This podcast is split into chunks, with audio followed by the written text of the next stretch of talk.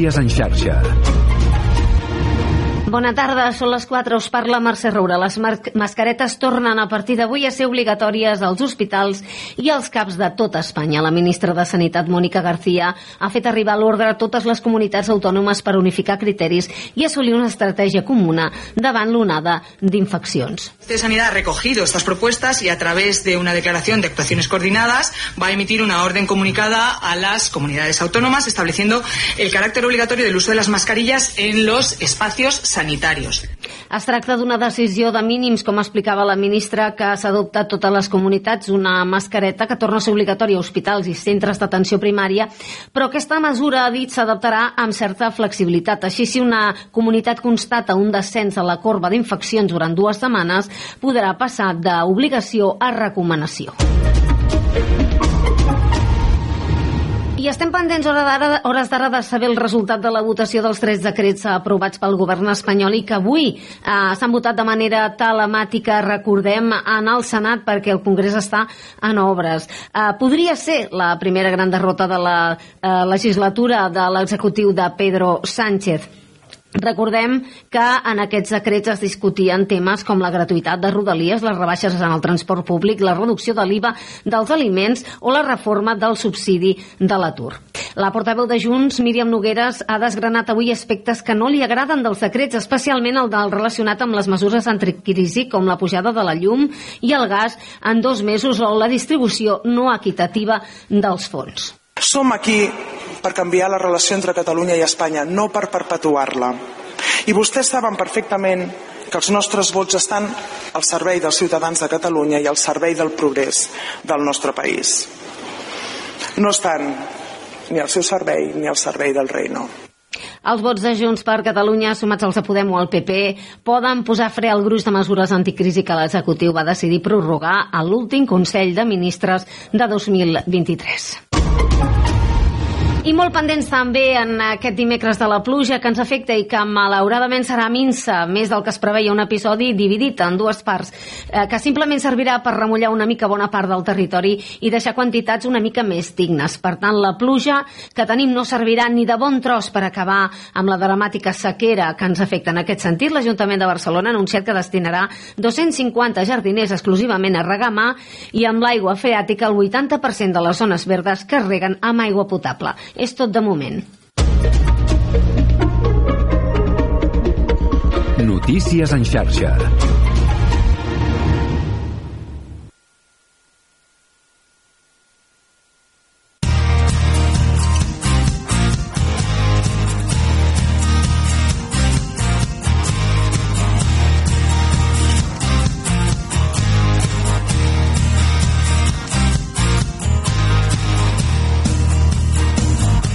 Carrer Major, un programa de ràdio Ciutat de Tarragona, Altafulla Ràdio, Ràdio Montblanc, Ràdio La Selva, Ona La Torre, la nova ràdio de Reus, Ràdio Hospitalet de l'Infant i Baix Camp Ràdio en col·laboració amb la xarxa de comunicació local.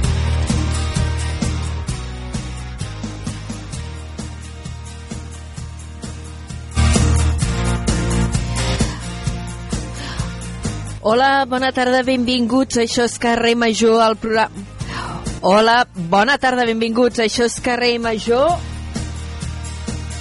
Ara sé què passa, ara sé què passa, que havia apretat malament un botó i sentia tot tard. Ja sóc aquí. Això és Carrer Major, el programa de les emissores del Camp de Tarragona en coproducció amb la xarxa de comunicació local, un programa que us oferim totes les tardes eh, de 4 a 6 des de 8 emissores eh, del Camp de Tarragona. Avui que la mascareta ja torna a ser obligatori als centres sanitaris, no només aquí a Catalunya, sinó també eh, de tot l'Estat, eh, perquè des del Ministeri han decidit que davant d'aquest increment de propagació de virus respiratoris eh, la millor opció era unificar criteris i que se seguissin les mateixes recomanacions al conjunt de l'Estat per intentar de, de frenar els contagis. En una jornada en què més avui es viu una eh, votació important al Congrés dels Diputats en què es eh, voten, se sotmeten a votació i amb una situació incerta eh, tres decrets eh, relacionats en bona mesura amb mesures anticrisi que vol tirar endavant el govern de l'Estat però que no té el suport assegurat. Eh, Podem havia dit que hi votaria que no, Junts eh, també havia dit que no, hi havia, que hi votaria que no. Al final Podem ha fet mig enrere i ha dit que votarà a favor d'alguns dels punts, però no de tots. I, per tant, una, una primera votació important del govern Sánchez que es pot veure entorpida pel eh, paper de l'oposició. Ja s'anticipava que aquesta no seria una legislatura còmoda i segurament avui s'evidenciarà.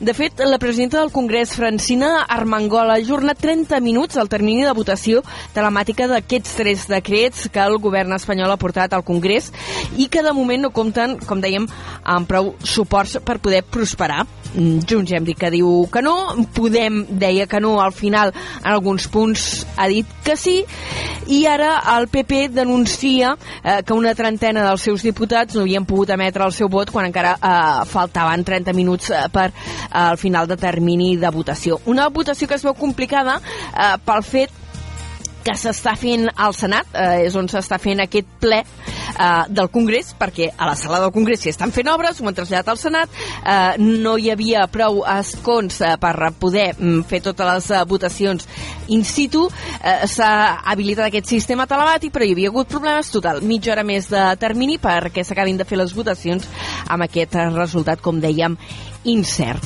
De fet, el Ministeri de la Presidència i Justícia aquest matí, en Fèlix Bolaños, ha recordat als partits contraris a la convalidació d'aquests decrets llei anticrisis que eh, no aprovar-los, tombar-los, repercutiria directament en la factura de llum, el preu dels aliments bàsics o les pensions. A nivell general, doncs, pendents del que passi avui al Congrés barra Senat amb aquesta votació, eh, un dels eh, primers temes eh, importants eh, d'aquesta legislatura i segurament amb dificultats eh, per prosperar. I a banda d'això, a nivell local tractarem moltes qüestions com alguns entrebancs de temes administratius que s'estan començant a trobar amb el tema de la planta de Lotte Energy Materials i també d'una activació en fase de prealerta avui del pla secta eh, per un incident en principi sense conseqüències que s'hauria produït al polígon petroquímic sud. En parlarem durant aquesta eh, primera hora del programa en què també parlarem de divulgació històrica i de seguida us explicarem per què. Això és Carrer Major, som les emissores del Camp de Tarragona, us acompanyem tot l'equip que fa possible aquest programa, l'Iri Rodríguez, l'Aleix Pérez, en David Fernández, la Gemma Bufies, la Cristina Artacho, l'Adrià Requesens, en Jonai González, avui també l'Adrià Tella, en Pau Corbalan, l'Antonio Mellados, Antoni Mateos, jo mateixa que sóc l'Anna Plaça i el Iago Moreno que el tenim al control tècnic. Comencem.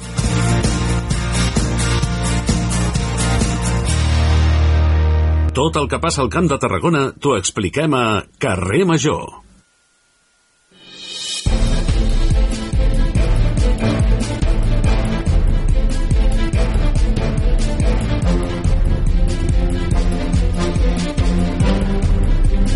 Passen 8 minuts eh, de les 4 de la tarda, moment de repassar en forma de titulars les notícies més destacades del dia al Camp de Tarragona. Eh, Ho fem amb l'Adrià Tella. Adri, bona tarda. Bona tarda, Anna. S'ajorna la compravenda dels terrenys de Lotte Energy Materials a Montroig del Camp per manca, diuen, de claredat en el redactat del contracte. L'alcalde lamenta que la lentitud burocràtica i els canvis societaris alenteixin l'inici de les obres previstes al 2024. El Ministeri de Transports destinarà 2,5 milions d'euros a les obres per reordenar les interseccions i millorar els accessos entre els municipis del Baix Camp, Botarell, les Borges del Camp i Riudoms a la carretera nacional 420. Les obres suposaran construir una glorieta de connexió per la C242Z i modificar les interseccions de la TV baixa 3101 i la T3136 per impedir els girs a l'esquerra. Protecció Civil activa durant una hora la prealerta del Pla Secta per incidències a Iquoxe i Dau a la Canonja relacionades entre elles. L'origen ha estat un tall elèctric a Iquoxe que ha fet aturar les seves unitats productives. La companyia n'ha informat en una piulada i ha apuntat que el tall elèctric s'havia produït per causes alienes a l'empresa. El Port de Tarragona ha tret a licitació el dragat i aportació de sorra a la platja de la Pineda. Concretament, la licitació inclou un període de 3 anys des d'aquest 2024 fins al 2026. L'Audiència de Tarragona jutja avui dimecres un home acusat d'intentar matar la seva parella al juliol de fa dos anys a Tarragona. La Fiscalia demana 12 anys de presó per un delicte d'homicidi en grau de tentativa i per un altre d'amenaces. El procés de redacció del projecte de recuperació del camí de ronda de la Sabinosa està gairebé enllestit. I la intenció és poder començar les obres abans d'aquest estiu i que estiguin enllestides la primera meitat del 2025. En esports, el Club Tenis Taula Ganxets de Reus reprèn aquest dimecres la Superdivisió Femenina de Tenis Taula. Aquesta mateixa tarda rebran a casa la Universitat de Burgos en un partit ajornat corresponent a la jornada 10. En cultura, ens traslladarem a la Conca, el Museu de la Vida Rural de l'Espluga de Francolí ha canviat de nom i passa a dir-se Museu Terra. L'equipament funciona des de fa més de 35 anys i ara els seus propietaris, la Fundació Carulla, han decidit fer la modificació per fer èmfasi en tota la saviesa que porta el món rural a l'hora d'imaginar futurs més sostenibles. Són algunes de les notícies que configuren l'actualitat eh, d'avui dimecres, som dia 10 de gener, i d'aquí mitja hora aproximadament us les ampliarem amb molt més detall. Adri, ens tornem a saludar llavors. Fins després. Molt bé, fins ara. Fins ara.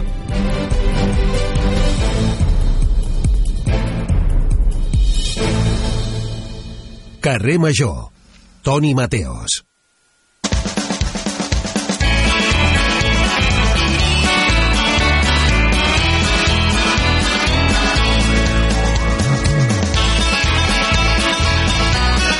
Oh yeah, Mateos, què tal? Ei, què tal? Hello. Hello. Pregunta, Tana. Ai, per què no hi ha l'Antonio? Per què no hi ha l'Antonio? Per què no hi ha l'Antonio? Per què no hi ha l'Antonio? Ma- M'agrada que em facis aquesta pregunta. Mira, eh, l'Antonio el tenim de vacances, però avui tampoc... Hi serà. Mellado. Antonio Mellado, sí, sí. Antonio el- Mellado, el, sí. El director, el company dels Tonis i director d'aquesta Santa Casa. Avui... Ràdio La Selva. De. Ràdio La Selva i de Canal Camp. Avui Sí. Està a Barcelona juntament amb la gent de Canal Camp perquè Sí. traurem una mica de pit per presumir Vinga, una mica estem, presu estan presentant el documental que han fet sobre eh, els aplecs de paret delgada Ah, molt bé. a la Casa de la Sardana a Barcelona Home, escolta, i tal, no? Que bé. molt bé, molt bé, i estan molt contents i han anat a presentar aquest, eh, aquest documental fantàstic de Paret Delgada, Un fil d'esperança mm, doncs mira, amb la, amb la gent d'aquí de la colla sardanista Germanó i la gent que ha preparat, que són la gent de Canal Camp que han preparat aquest fantàstic documental que el podeu veure a la pàgina web de Canal Camp ja està, promo feta Molt bé. Sí, traiem una mica de pit, eh, de les Home, hem- coses hem- que es fan des, de, Sí. des dels canals eh, territorials locals. I tant. Perquè, mira, avui, avui ho comentàvem amb la, amb la Raquel, aquí a la ràdio, aquí ha una a la torre, Mhm. que a la xarxa, a la, a la plataforma Xarxa Plus, val, que es Sí. poden recuperar molts continguts, eh, hi ha un, un documental que suposo que ha produït TAC 12 eh, sobre l'any rector de Vallfogona, que es veu que és un festival amb Josep Pedrals, gran poeta, rapsoda, i que a més ha sigut el comissari de l'any rector de Vallfogona, que es va celebrar l'any passat, i es veu que és una autèntica delícia. bueno, jo encara i- no l'he vist, eh? La Raquel se l'ha mirat, almenys un tros, i diu que és fabulós. I a més a més eh, a la xarxa més tenim la, els podcasts de, Els podcasts nostres. de Carrer Major. Avui farem un tastet sobre eh, el podcast de veïns que ens Mira presenta l'Adrià amb la Pepi Miró que és una cuentista. Ai, em sona molt. Crec és una contacontes d'Altafulla. Ah, mira, La potser per això em sona. per això et sona, per això et sona. Per això doncs, sona. Sí, sí. Parlarem d'això. També tindrem eh, el Jordi Bilbeny, que és historiador, que ens parlarà sobre la figura de Cristòfol Colom, eh, perquè farà una conferència la setmana vinent a Riudoms sobre aquest personatge i jo crec que el Jordi Bilbeny defensa que Cristòfol Colom era català. Li preguntarem. Jordi. Villveny, Institut Nova Història, Cristòfol Colón era català eh, i segons ell també Miguel de Cervantes era català. Per cert, puc explicar una xafarderia? Home, Això és el nostre per- espai. És el suposo, nostre espai. i suposo que ens ho permetran dir que Jordi Bilbeny, a més, en aquest, ell no és de, del Camp de Tarragona, però actualment viu al Camp de Tarragona, concretament Sí. a la Conca de Barberà, i Sí. és el marit de la nostra companya, que la tenim així una mica cloc-i-piu, que per això aquests dies no, no la tenim per aquí, la Gemma Bufies. A la qual li enviem un petó Un gegant a la Gemma. Eh? Que s'acabi de recuperar. I tant. Al Guille Mena també li enviem molts petons perquè ens cuida, ens vigila la salut, eh, ens vigila el pes. Eh, avui parlarem amb ell si és una bona idea començar la dieta al mes de gener. Allò que dius, propòsit de bon any, de l'any nou, fer la dieta, començar dieta. Li preguntarem al Guillemena perquè, clar, eh, ten- eh, s'han de posentar els torrons, les neules, eh, els canelons i tot això, i parlarem també de propòsits de saludables del nou estic any. fet a caldo. Has Jo tocat no, un jo tema no. molt delicat. Jo he anat Per- avui al gimnàs i... Uf, mm, Uf. uf, Jo em vaig pesar l'altre dia que ma mare, perquè jo a casa ja no tinc bàscula, saps? Vull dir, Ben fet, ben fet. A casa no tinc bàscula, llavors només me peso quan vaig, de tant en tant, quan vaig a ma mare. I jo, jo estava molt contenta perquè mm, vaig a allò que vas a la piscina i tal, i jo em mirava al mirall i pensava, ostres, nena, t'has aprimat. No, No. Bueno, no. Al contrari. Però bueno, és igual, tira, Anna, tira. sempre, aquests quilitos sempre senten molt bé. sí.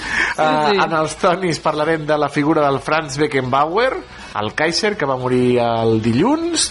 Escolta, A s'està banda- morint molta gent, eh? Un amic Molts meu mites. diu...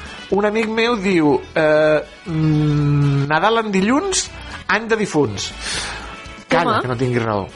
Banda Tu, sonora carai. del camp i la furgoneta que aniran al Museu Salvador Vilaseca a, a, a parlar amb el regidor de Cultura i el director del museu sobre una expo del després de la guerra. Molt A Reus. interessant. A Reus, Molt sí, bé. senyor. Tot això seran els continguts de Carrer Major a partir de les 5 de la tarda amb Antoni Mateus i companyia. Uh -huh. I ara seguim amb la primera hora, que de seguida veurem de què parlem. Fins Fantàstic. després, Toni. Fins ara, Anna. Adéu. Adéu. Carrer Major, el primer programa del Camp de Tarragona.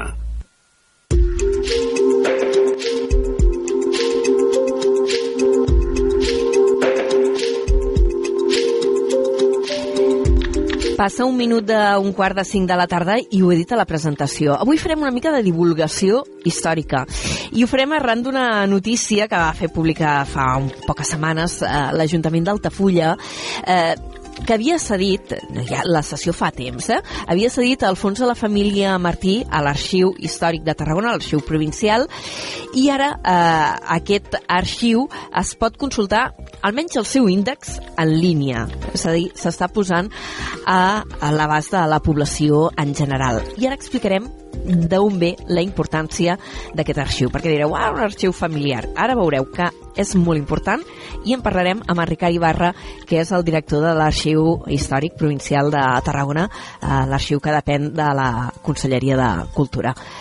Senyor Ibarra, bona tarda. Hola, bona tarda. No estem parlant d'un arxiu qualsevol. Oh, és un fons documental important, Un fons. sense cap mena de dubte, és un fons documental familiar, patrimonial molt important, no, no té cap mena de dubte, això és clar, és una família molt important, per tant la seva documentació també és important.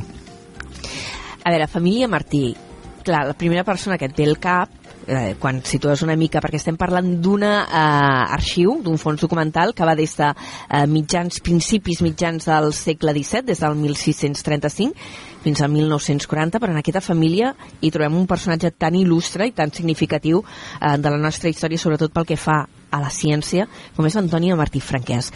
Però més enllà d'aquest personatge, és una família molt rellevant al Camp de Tarragona. Efectivament, sí, sí. La, la família Martina és una de les principals famílies del camp, juntament amb d'altres molt conegudes, com poden ser doncs, el Castellarnau, d'aquí Tarragona, o els Ixart també, o a Valls els Moragues, posem per cas, no? És un fons que nosaltres tenim a l'arxiu històric. És una família, bueno, de les que perquè ens entenguem col·loquialment, doncs remenaven les cireres, eh? Tenien un bon, tenien un bon patrimoni, doncs, eh, tant en temes agraris com després a partir del segle XVII, en, en qüestions comercials també, en qüestions de, de navegació, de comerç marítim, per exemple, És una família molt potent, econòmicament molt potent, i això s'ha reflectit, eh, com és natural, en la seva documentació, la documentació que van generar, per poder gestionar correctament eh, aquest patrimoni que estic dient. I on els hem de situar una mica? Perquè jo sempre havia sentit dir que aquesta família era d'Altafulla, eh, les primeres referències estan a Tamarit, eh, també el reivindiquen des de la Riera de Gaià, des del nucli d'Ardenya, eh, tenien propietats a Tarragona, de fet Antoni Martí Franquès vivia on ara hi ha el Museu d'Art Modern de Tarragona, al carrer Santana. Eh, on els hem de situar aquesta família exactament? Bé, originàriament són de Tamarit, aquesta família originàriament ve de Tamarit. Les primeres notícies de la família estan eh, ubicades a Tamarit, no? Després es, des, es traslladen cap a Altafulla i després arrel del, de la Guerra francès doncs fan el salt cap a Tarragona, al carrer Santana, aquí on deies, eh, on avui el, el museu, el museu eh? i D'art modern, sí. l'art modern, sí. I, bueno, el científic Martí Franquès doncs, va habitar en aquesta casa del carrer Santana i el seu arxiu, l'arxiu de la família, estava precisament en aquesta casa quan el 1809 els francesos doncs, hi van poder arribar i el van eh, destrossar a poc o molt tant la casa com l'arxiu. En aquest cas, sortosament, no el van eliminar del tot, sinó que bueno, doncs, devia patir alguns estralls, però es va quedar doncs, força, força íntegre i va poder ser, ser recuperat encara. Va poder ser recuperat i avui encara doncs, en podem gaudir en bona part. Uh -huh. uh, mira, uh, això que explica ara de la guerra del francès uh, em, em porta a introduir un tema que és les vicissituds que poden passar als fons documentals al llarg de la història.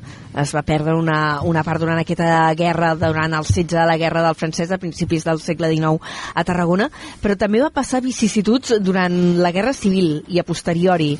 Com, com s'ha anat conservant i com us ha arribat a vosaltres de, aquest fons documental? Els conflictes bèl·lics eh, malauradament doncs, sempre són una, un element de risc pels, eh, pel patrimoni en general, pel patrimoni cultural pel documental també eh?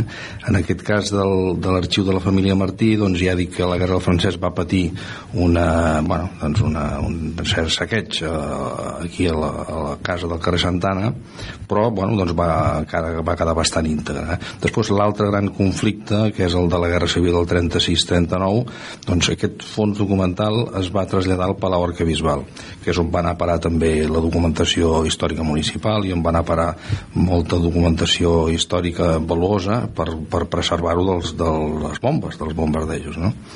I, per tant, gràcies a aquests trasllats s'ha pogut, es va poder mantenir la unitat d'aquest fons. Després, a partir del 39, hi ha altres factors que expliquen que avui aquest fons documental de la família Martí eh, estigui en certa manera dividit, diguéssim, tingui una certa disgregació perquè el, a partir del, del 39 mm, hi ha una sessió per part de la, de la família a un estudiós, el senyor Quintana, que biografiava el científic Martí Franquès i eh, li va cedir la part de documentació més personal del científic, el que era la correspondència, el que era la documentació de treball de Martí Franquès, el que era una part de la, de la biblioteca també més important, armaris, etc. No?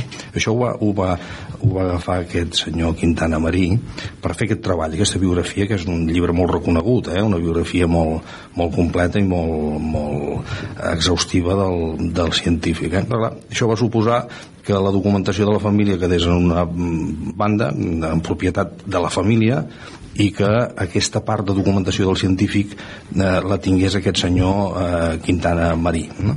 Això va provocar que anys més tard doncs, la família fes una donació una sessió inicialment d'aquest fons documental que li quedava de la família a l'Ajuntament de Tarragona i l'altra part eh, va continuar en mans del senyor Quintana Marí. Anys més tard, això parlem del 95 hi va haver aquesta sessió. Eh? Anys més tard, uns 10 anys, la família va eh, revertir aquesta donació i la va eh, fer a l'Ajuntament d'Altafulla. Però estem parlant de la part de documentació familiar, eh?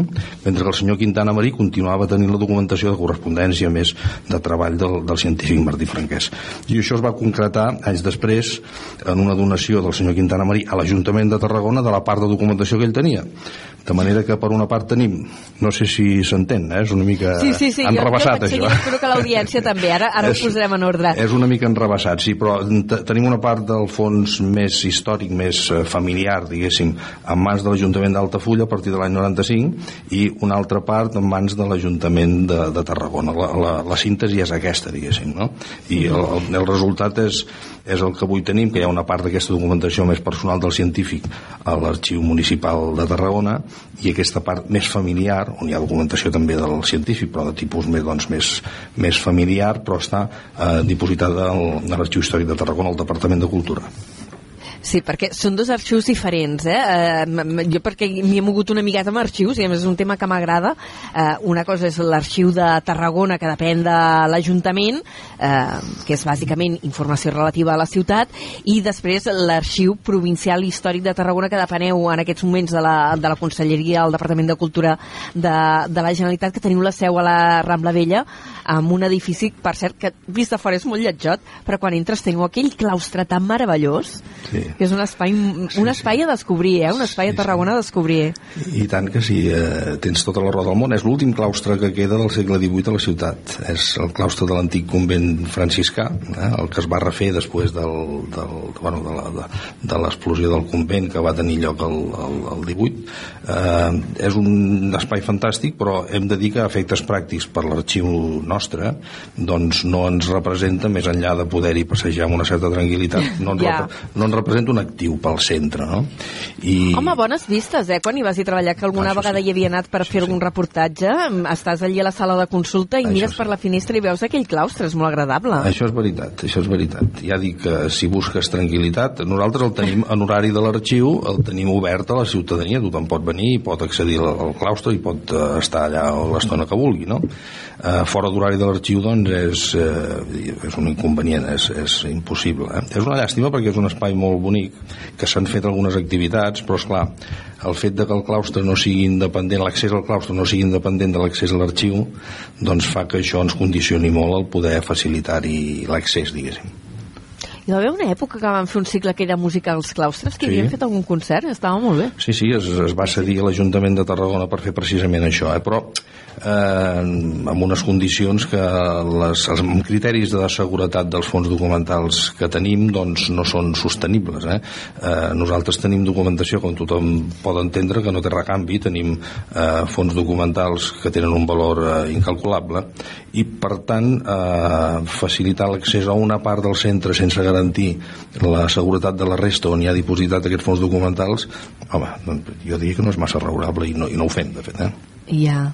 Eh, De fet, l'hem convidat a parlar precisament d'aquesta riquesa documental una mica amb l'excusa de- d'aquest fons a la família Martí, que esteu en procés de digitalitzar. De moment, el que heu digitalitzat és l'arxiu. És a dir, tota la documentació que hi ha la teniu catalogada i aquest catàleg es pot consultar en línia. És això, no?, el que, que heu fet de moment? Bé, jo, jo penso que hi ha, hagut en algun moment alguna certa confusió en el tema de la digitalització. Ja sé que als periodistes us interessa doncs, aquest tema. S'ha digitalitzat Sí, el fons Martí. eh? Sí, s'ha digitalitzat el fons Martí. El fons Martí no, no està digitalitzat.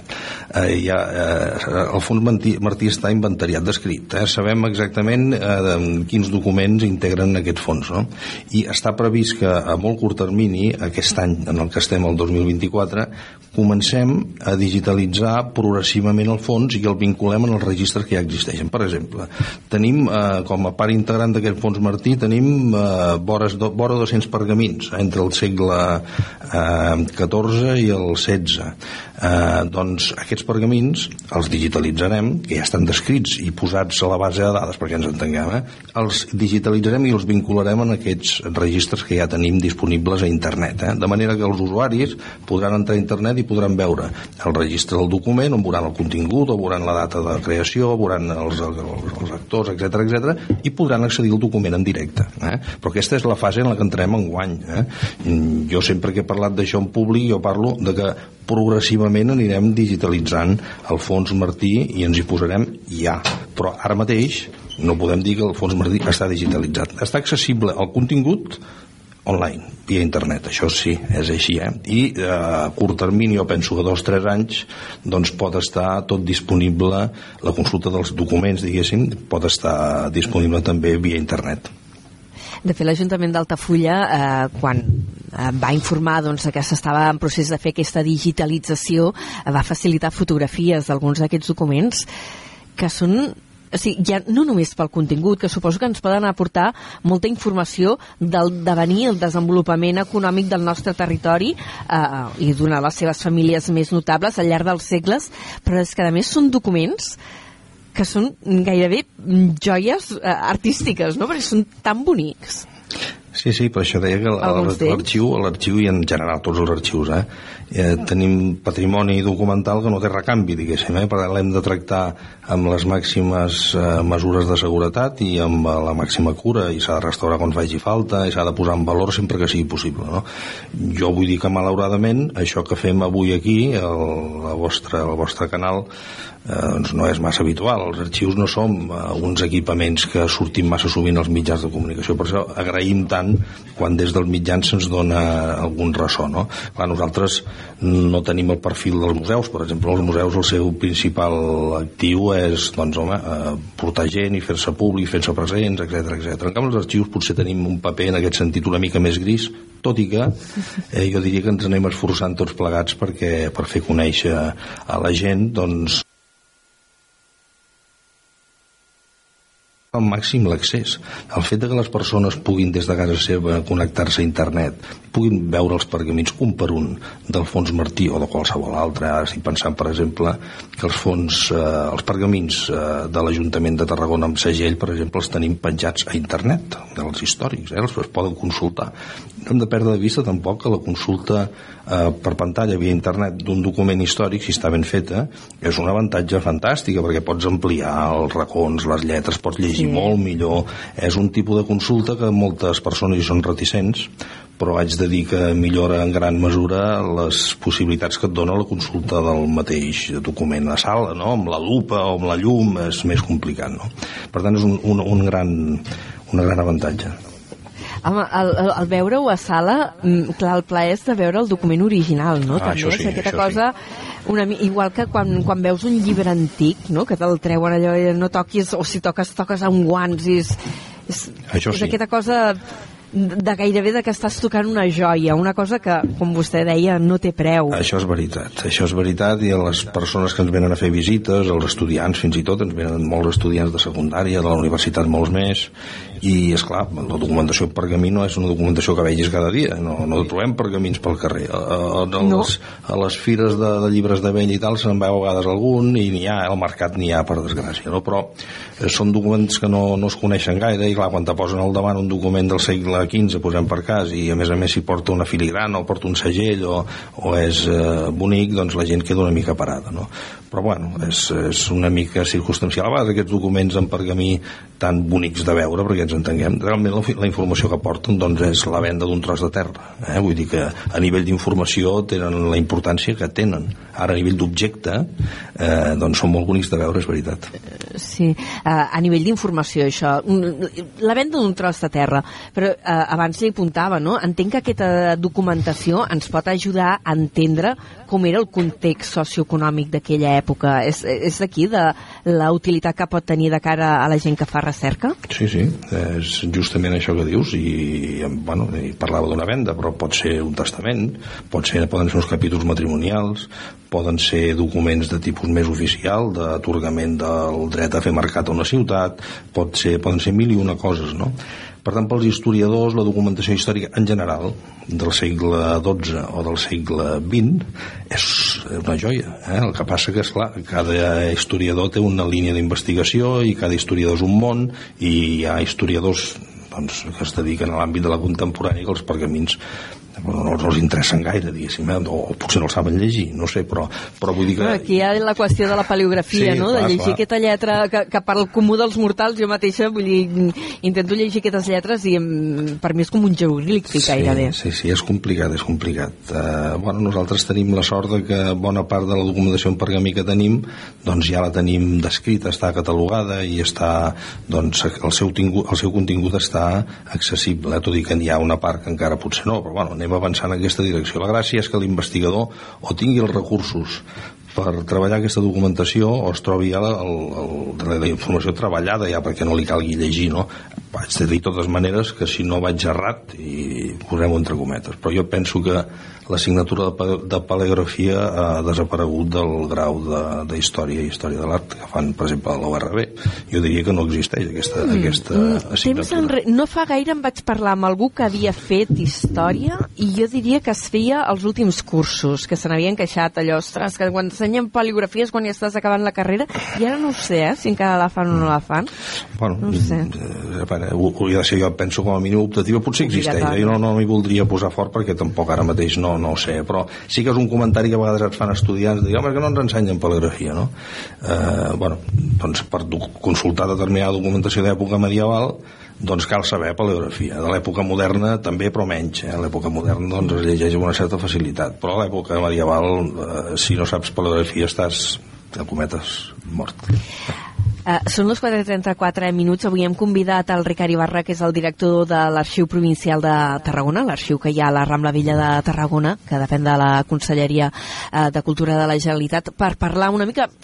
L'excusa era aquest procés de digitalització del fons a la família Martí, però també volem aprofitar per mm, preguntar-li per els altres fons destacats que, que conserven, no? perquè eh, al llarg de l'entrevista vostè ja ho anava comentant de que tenen documentació de molta transcendència pel territori.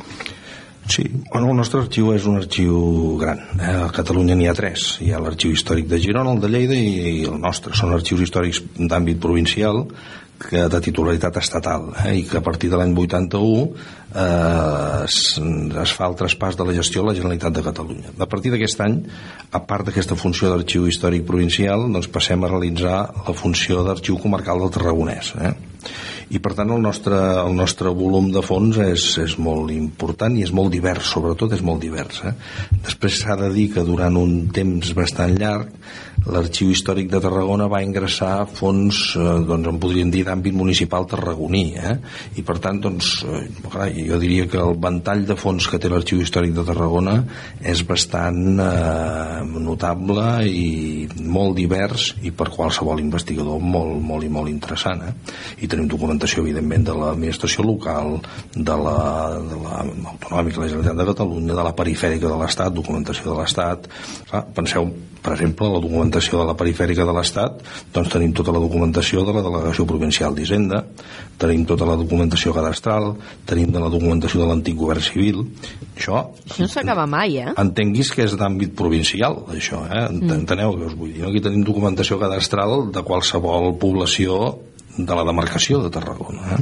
Per tant, per això dic que aquesta dimensió d'aquests centres, els arxius històrics provincials, doncs, ultrapassen el que són els arxius comarcals i es queden a mig camí entre el que seria ja doncs, l'arxiu de la Corona d'Aragó o l'arxiu nacional de Catalunya. No? Però estem, estem en, aquest, en aquest camí, en aquest mig camí, diguéssim. Uh -huh. I entre aquests fons documentals eh, que venen doncs, de llegats familiars, com aquest que comentàvem ara de la família Martí, que són eh, tres, gairebé quatre segles de, de documentació, eh, per citar-ne alguns, eh, per posar algun exemple, que, que, quins fons podem trobar a l'Arxiu Històric de Tarragona? Oh, molt importants. Em sembla que ho he esmentat abans, però hi torno. I tenim el de la família Ixart, que va ingressar no fa massa anys, em sembla que va ser el 2018, no, no recordo bé. Eh? El de la família Ixart és molt, molt potent. Eh, estava dipositat a la Casa Vives, precisament a Altafulla, també ha la plaça del Pou, i arrel de la, doncs, de la venda de l'immoble, el propietari, eh, el senyor Jaume Ixart doncs, vam arribar a un acord per dipositar el fons. És un fons més voluminós que el Martí, per exemple, i que doncs, hi anem treballant la mesura que els recursos ens ho permeten, evidentment els recursos que tenim són, són els que són en anem demanant més però són els que són i per tant doncs, nosaltres anem treballant i fem el que podem amb els que tenim no? això el fons Ixart doncs tenim el fons Moragues el fons Moragues des de la família originària de Valls els Moragues i que per qüestions també familiars va, es va dipositar aquí l'arxiu històric de Tarragona és un fons molt important perquè la família Moragues ha donat grans personatges també de les lletres de les, de, de, també del, del dret eh? i són famílies amb un gran patrimoni i sobretot una activitat comercial molt, molt potent. Eh?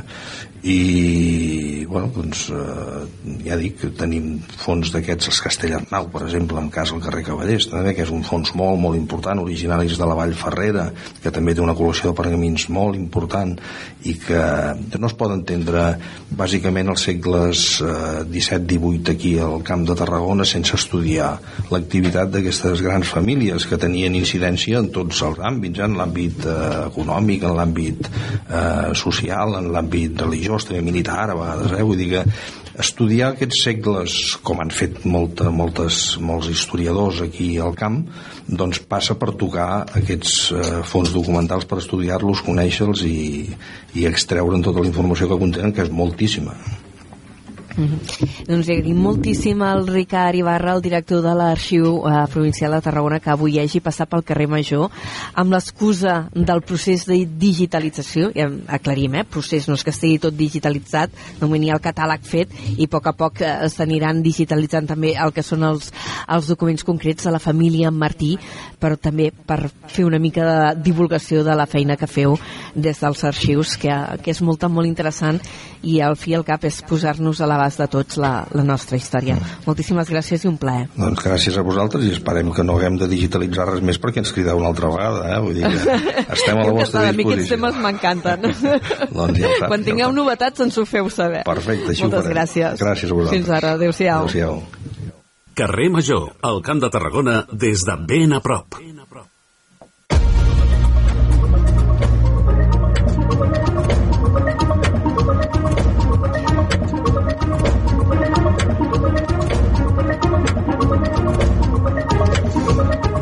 4 i 39 minuts. Ara és el moment en què començarem a desgranar amb detall aquelles notícies que abans us havíem avançat en forma de titulars. Ho farem amb l'Adrià Tella un cop eh, haguem fet el canvi de cadires als estudis de Ràdio Ciutat de, de Tarragona. Recordeu, jo us parlo des d'una la torre. A Ràdio Ciutat de Tarragona tenim altra part de l'equip. Ara ha marxat el director de l'Arxiu Històric, eh, el Ricard Ibarra, que acabem d'entrevistar, i mentre s'asseu l'Adri Tella eh, per fer l'informatiu, jo us vaig explicant coses. Avui, com a notícia de portada, destaquem que l'Ajuntament de Montroig del Cap ha ajornat la compravenda dels terrenys on s'ha d'ubicar la fàbrica de Lotte Energy Materials, diuen per manca de claredat en el contracte.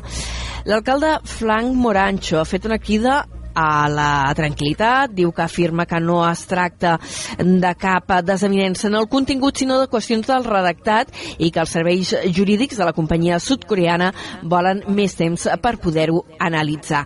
Adri Tella, bona tarda. Bona tarda, Anna, i tal com expliques, de fet, Morancho ha lamentat que la lentitud burocràtica i els canvis societaris estan alentint l'inici de les obres previst en un primer moment a principis d'aquest 2024. El Batlle considera que la construcció de la nova planta de producció de l'Ecfoil no comença començarà fins al setembre. Assegura, però, que el projecte no perilla i que les prevencions de la companyia són normals en un projecte d'aquesta magnitud. Això eh, el que no suposa, i així ens, ens ho trasllada l'empresa, és que canviïn ni la inversió ni que vulguin continuar, no, simplement doncs, bueno, se van ajustant. És el que diem, és un projecte molt gran, és un projecte que toca moltes parts, eh, que són molts diners, que bueno, i requereix eh, doncs, a vegades revisar més les coses que, que, que, que són més normals en un altre lloc, doncs, en un altre projecte, doncs aquí s'han de revisar més. L'alcalde de Montroig ha referit a l'evolució del projecte de l'OTE en un esmorzar amb periodistes. També hi ha explicat que les obres de reconversió de la N340 i la transformació de l'antiga via del tren en una via verda estan en procés de licitació. La previsió és que aquestes obres siguin una realitat al llarg de l'any vinent. Seguim a la comarca del Baix Camp. El Ministeri de Transports destinarà 2,5 milions d'euros a les obres per reordenar les interseccions i millorar els accessos a Botarell, les Borges del Camp i Riudoms a la carretera nacional 420. Els enllaços amb carreteres comarcals i locals, concretament entre els punts quilomètrics 865 i 869, obliguen a efectuar girs i incorporacions a l'esquerra. A això s'ha de sumar el fet que prop de 20.000 vehicles circulen diàriament de mitjana per aquest tram, segons el mateix Ministeri. Les obres suposaran construir una glorieta de connexió per la C242Z i modificar les interseccions de la TV baixa 3101 i la T3136 per impedir els girs a l'esquerra, així com millorar la incorporació i sortida des de l'N420. Segons el Ministeri, també es milloraran accessos directes a camins i propietats. Protecció Civil ha activat durant una hora la prealerta del Pla Secta per incidències a Iquoxe i Dow Chemical a la Canonja, al polígon petroquímic sud, unes incidències que estarien relacionades entre elles. L'origen ha estat un tall elèctric a Iquoxe que ha fet aturar les seves unitats productives. La companyia n'ha informat en una piulada i ha apuntat que el tall elèctric s'havia produït per causes alienes a l'empresa.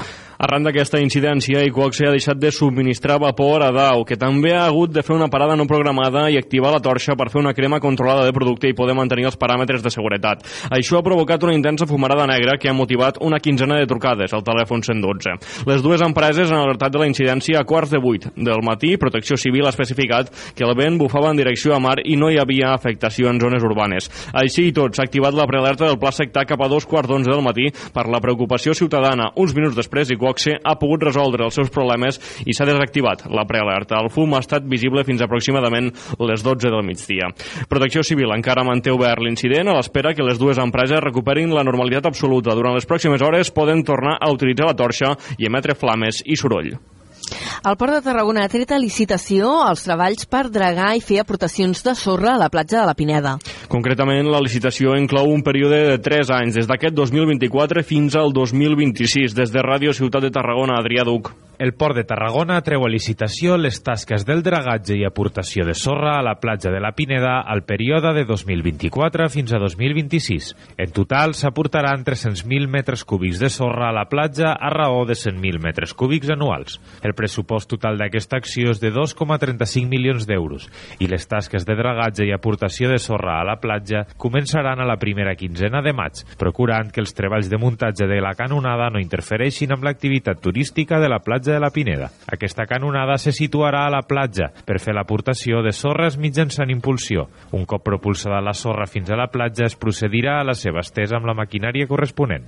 Aquest conjunt d'accions respon al compromís del Port de Tarragona adquirit després de l'ampliació del contradic Trencaonades de Llevant, quan es va comprometre a l'aportació de la sorra a la platja de la Pineda, segons ho aconsellava la declaració d'impacte ambiental sobre el projecte. D'altra banda, està prevista una futura construcció del contradic de Ponent, que permetrà adoptar solucions per estabilitzar la platja de la Pineda.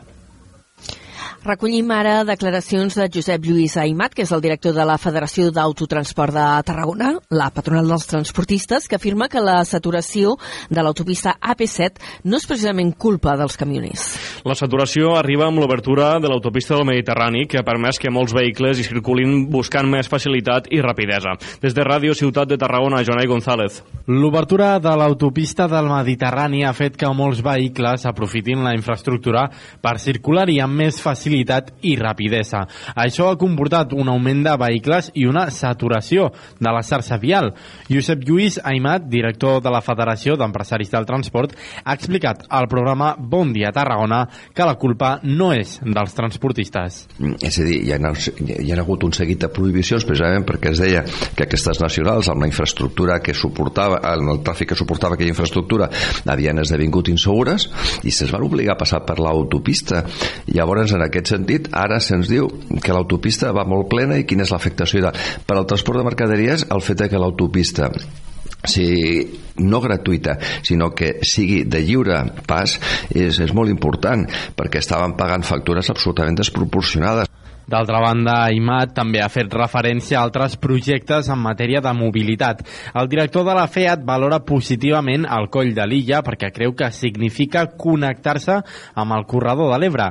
Quant a les carreteres nacionals, la FEAT pensa que la 420 hauria de ser una autovia que suposaria una connexió del nivell amb el port de Tarragona i també amb l'aeroport de Reus. En aquest context, Aimat exposa que la carretera N420, que arriba fins al Canyís, és un desastre i admet que hauria d'haver-se fet una obra d'aquesta nacional fa molt de temps.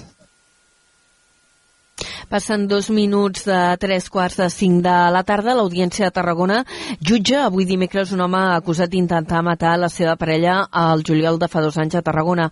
Fiscalia demana 12 anys de presó per un delicte d'homicidi en grau de tentativa i per un altre d'amenaces. En la vista, la víctima ha declarat que li havia demanat el divorci i que l'acusat no ho acceptava. En la seva declaració, la dona, visiblement afectada, ha explicat que l'home la va despertar amb un cop de puny i que tenia un ganivet a la mà amb el qual la volia matar. El fill va ser testimoni dels fets. Entra mi hijo y ve la escena esa que yo lo estoy cogiendo y mi hijo con perdón le dice una palabra mala y le dice quieres matar a mi madre. Y él de hecho ya había cogido, no podía llamar a, a emergencias ni mi hijo ni yo porque ya había cogido el móvil mío y se lo había puesto en el, en el bolsillo. Y yo le digo a mi hijo que abra la puerta. Porque claro, él cuando entró a la habitación cerró la puerta. Mi hijo abrió la puerta y vio la cena. Y yo le digo a mi hijo, porque me daba miedo, digo, acaba conmigo y acabará con los niños. Fiscalia demana 10 anys de presó per un delicte d'homicidi en grau de temptativa i dos anys més per un delicte continuat d'amenaces. L'advocat de la víctima eleva la petició de pena fins als 17 anys, mentre que la defensa del processat sol·licita l'absolució. L'acusat està en presó preventiva des que va ser detingut pocs dies després dels fets. Per cert, avui tant a Tarragona com a Reus s'ha fet un minut de silenci al migdia com a mostra de rebuig per l'assassinat d'un nen i una nena pel seu pare a Barcelona, un presumpte cas de violència vicari que es va produir dilluns. Més eh, qüestions ara en àmbit més d'infraestructures, eh, d'obres que hi ha pendents al territori. El procés de redacció del projecte per recuperar el camí de ronda de la Sabinosa està gairebé enllestit. La intenció és poder començar les obres abans de l'estiu i que estiguin fetes a la primera meitat de l'any vinent. La presidenta de la Diputació, Noemí Llaurador, ha detallat la situació del projecte en una entrevista a Carrer Major. El camí de ronda estarà llest, doncs, una mica més tard del que s'havia dit inicialment, però l'empenta d'aquest projecte suposa un primer pas cap a la recuperació de la finca de la Sabinosa, l'antic preventori abandonat de fa dècades i propietat de la Diputació. Llaurador ha detallat que la recuperació del camí de ronda suposarà una intervenció lleugera, amb pocs elements i mobiliari. El nou camí permetrà el pas de vianants i bicicletes. La voluntat és que de cara a l'estiu, si tot va bé, doncs ja comencen a iniciar-se les obres que podrien estar acabades doncs, el, el 2025, de manera que començaríem eh, amb molt bon peu a, aquest mandat per poder doncs, eh, facilitar el pas per a, per a vianants, no només per als tarragonins i tarragonines, sinó que evidentment pensem en el conjunt de, de la demarcació i també a nivell turístic també seria molt, molt propici doncs, disposar d'aquest camí de ronda. A partir d'aquesta primera millora, la Diputació vol tirar endavant la resta del projecte de futur de la Sabinosa amb l'objectiu de convertir-lo en un gran hub cultural que inclogui infraestructures com el Conservatori, l'Escola d'Art i Disseny i un nou auditori. Tot plegat amb una inversió prevista sobre els 50 milions d'euros. La presidenta de la Diputació espera que aquesta segona fase pugui arrencar les obres sobre el 2027 per poder estar llest abans de l'any 2030. De fet, la Diputació ja ha presentat a l'Ajuntament el pla especial que ha de definir els usos de l'equipament. La restauració eh, del Teatre Metropol de Tarragona costarà uns 600.000 euros, eh, segons es desprèn del projecte encarregat per l'Ajuntament. Es tracta concretament de la recuperació dels elements decoratius de l'equipament eh, dissenyat eh, per l'arquitecte modernista Josep Maria Jujol i que va ser declarat bé cultural d'interès nacional, un, eh, un conjunt d'elements decoratius que inclou pintures i mosaics. Els treballs es divideixen en dues fases. La primera està previst que s'executi un cop s'hagi adjudicat la direcció de l'execució de l'obra i la direcció facultativa i està pressupostada en 310.000 euros. La segona, amb un cost estimat de 359.000 euros, està condicionada a la subvenció del 2% cultural de l'Estat per aquest any 2024 i el següent, el 2025. A banda, el consistori tarragoní treballa en la reforma estructural de l'immoble. El projecte d'execució de la restauració de l'obra de Jujoll exposa amb detall les patologies que presenten els diferents elements. Un dels problemes principals és la presència de tèrmits a les fustes, relacionat amb la presència d'aigua acumulada per deficiències en l'evacuació de la pluja en alguns punts. A banda, el projecte també recomana enderrocar la rampa d'accés al pati o col·locar baranes a quatre balconeres de les galeries per millorar la seguretat dels visitants, entre moltes altres millores. L'empresa mixta d'aigües de Tarragona, IMATSA, opta a una nova convocatòria dels fons PERTE per a la digitalització del cicle urbà de l'aigua. És una convocatòria impulsada pel Ministeri de Transició Ecològica des de Ràdio Ciutat de Tarragona, Adrià Duc. L'empresa municipal mixta d'aigües de Tarragona opta a una nova convocatòria dels fons per a la digitalització del cicle urbà de l'aigua del PERTE, que impulsa el Ministeri de Transició Ecològica. La companyia d'aigües ha elaborat un projecte per valor de 3,4 milions d'euros, dels quals en sol·licita 2,4 als fons europeus. El projecte inclou 15 accions que tenen com a objectiu millorar el coneixement i l'ús dels recursos hídrics i preservar les masses d'aigua i el medi natural. Les propostes per a fer-ho s'enfoquen en la instal·lació de sensors i sistemes d'anàlisis en continu pel control de la qualitat i disponibilitat de l'aigua en les captacions i les xarxes de distribució i sanejament. Per la seva banda, el president de Matsa, Rubén Viñuales, ha explicat que no es pot deixar passar l'opció de rebre fons PERTE per accelerar la transformació digital de Matsa i millorar la capacitat d'actuar de manera preventiva per garantir l'ús eficient de l'aigua i preservar els recursos propis i l'entorn. L'àmbit d'aplicació del projecte abasta tots els municipis on opera Ematsa, és a dir, Tarragona, la Canonja, el Catllar i els Pallaresos. Altafulla posarà en funcionament un punt de recàrrega de vehicles elèctrics municipal els pròxims mesos. El consistori ha elaborat un reglament que es troba en exposició pública i que regularà l'ús d'aquest nou servei. Ens en dona més detalls des d'Altafulla Ràdio, la Carol Cubota. Una estació de recàrrega de vehicles elèctrics espera pacient al seu torn per entrar en funcionament a l'aparcament del carrer Alcalde Pijuan d'Altafulla. En breu es posarà en marxa i podrà oferir subministrament elèctric a la flota de vehicles elèctrics o híbrids endollables que cada cop és més creixent a la vila. Com que es tracta d'un servei municipal que és nou, cal que compti amb un reglament d'ús i també amb una ordenança que n'estableixi els costos per l'usuari, com explica la alcaldessa Alba Muntades cal prèviament doncs, aprovar un reglament del funcionament d'aquest equipament, que és el que ara està en exposició pública per si algú vol fer alguna esmena o vol afegir algun un aspecte que creu interessant un cop uh, passat aquest període d'exposició pública, passarà per, pel ple de gener, on esperem que s'aprovi aquest reglament i llavors ja es podrà posar en funcionament aquesta, aquesta estació de, de recàrrega. El reglament està en exposició pública i ha de ser aprovat per plenari. Després de cloure els tràmits amb l'empresa elèctrica, el nou servei municipal podria entrar en funcionament aquesta primavera. Anem ara als esports.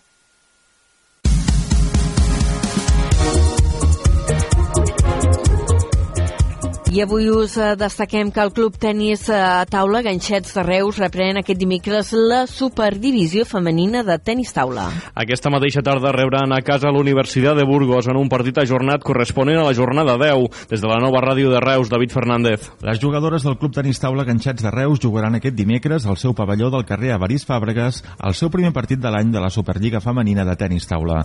I ho faran a partir de les 6 de la tarda davant l'Universitat de Burgos TPF en un partit ajornat corresponent corresponent a la jornada 10 que s'havia de jugar abans de festes. Les reusenques arriben al partit després de guanyar 4 a 0 a la Unió Esportiva Sant Cugat i d'empatar a 3 enfront al Tecnigen Linares a la jornada 9 jugada a principis del mes de desembre. Després d'haver jugat 8 partits, ara mateix el Club Tenis Taula Ganxats de Reus ocupa el quart lloc de la taula classificatòria amb 10 punts, 6 menys que el líder UCAM Cartagena. Per la seva banda, el rival d'avui de les ganxetes, l'Universitat de Burgos, és setè amb 7 punts.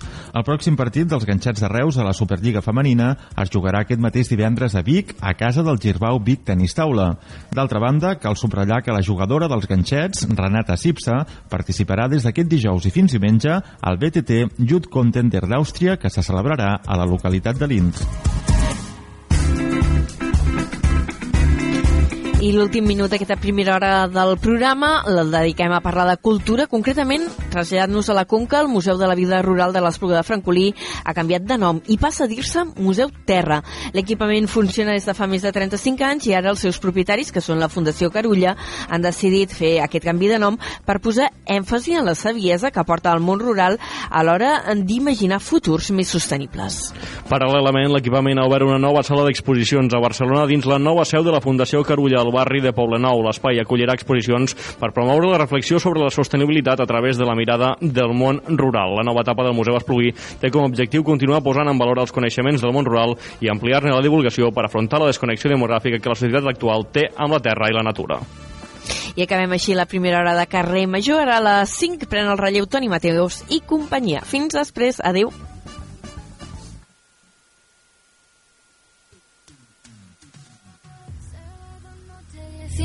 80. Tengo bebida fría en la nevera. Luces neón por toda la escalera. Toque de liter, chupito de absenta. Y me pongo pibón. Pues ya esta noche pasa algo entre tú y yo. Gotas de pa' que huela mejor. Y se va calentando el ambiente. Yo te busco entre toda esta gente. Tu boquita de fresa, mi mojito de menta. Las cosas bonitas al final se encuentran. Dos trocitos de fruta, si quieren se disfrutan. Te invito a mi fiesta, en mi casa a la una. Noche ochentera, toda la noche entera.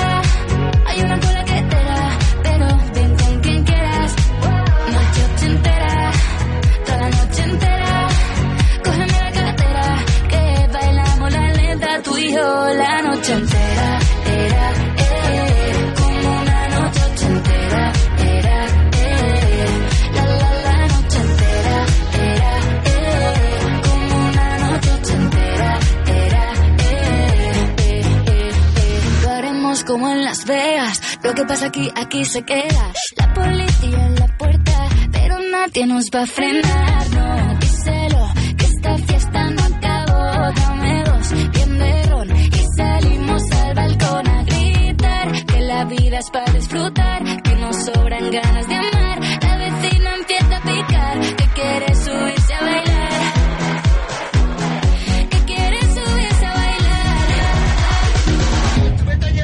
Noche ochentera,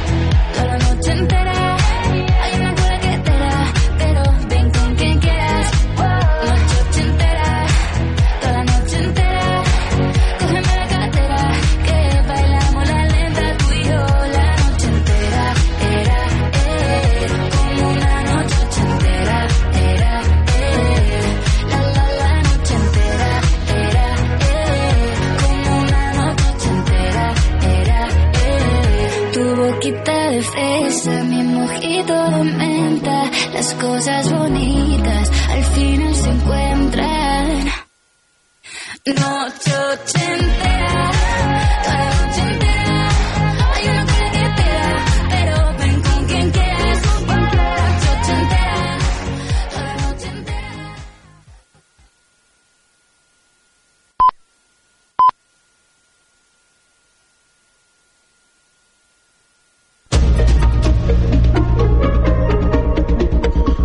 Notícies en xarxa. Bona tarda, són les 5, us parla Mercè Roura. El Congrés debat les esmenes a la totalitat de la llei d'amnistia. Són esmenes presentades fa una setmana pel Partit Popular i Vox, que llavors semblava que no tindria cap possibilitat de prosperar.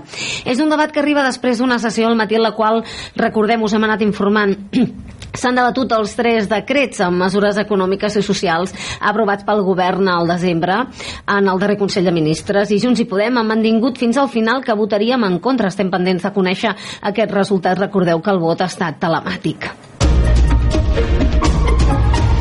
I la mascareta torna a ser obligatòria als hospitals i centres d'atenció primària, però aquesta mesura s'adaptarà amb certa flexibilitat. Així, eh, si una comunitat constata un descens de corba d'infeccions durant dues setmanes, podrà passar d'obligació a recomanació. Així ho deia la ministra Mònica García. Bien, eh, no hay un umbral eh, cuantitativo, sí que hay un umbral cualitativo que es el descenso de la curva. Sabemos cómo reaccionan las curvas, ¿no? Llegan a un pico y inician el descenso. Entonces, todas aquellas comunidades que lleven dos semanas en descenso, pues lo que les ofrecemos es que se pase de obligatoriedad a recomendación y aquellas comunidades que ya hayan puesto en marcha la obligatoriedad, pues lo pueden mantener, mm, vamos, a criterio de sus datos epidemiológicos. D'altra banda, Sanitat, recordem, us recomana l'ús de mascareta també a farmàcies i residències de la gent gran. I continuem parlant del tema sanitari. La vacunació de la grip ha baixat de forma substancial aquesta temporada i les causes són diverses. Estem donant poca importància a aquest virus i hi ha un cansament entre els ciutadans i també els professionals i per part també de la vaga d'infermeria. Segons ens ha dit avui Pepi Estany, coordinadora del grup de vacunes de l'Associació d'Infermeria Familiar i Comunitària de Catalunya. Què està passant? Pues que estem donant poca importància a la grip, hem, fet el, hem donat el missatge durant la Covid que això és com una grip, per tant traient importància al que és la grip. La grip és una malaltia important, sobretot per, la, per les persones que tenen factors de risc i que són més grans de 60 anys, i eh, l'hem de tindre en compte. Eh, també hi ha eh, un cansament de, de vacunació tant en les persones grans com en, en els ciutadans en general Els centres d'atenció primària que més població han vacunat els últims anys estan per sota del 50% quan s'acostaven en un objectiu del 75%. I un apunt, eh, acabem l'enterrament del director de cinema Ventura Pons tindrà lloc demà dijous a les 12 al tanatori de les Corts just després del tancament de la Capella Ardent que s'obrirà aquesta tarda. Notícies en xarxa.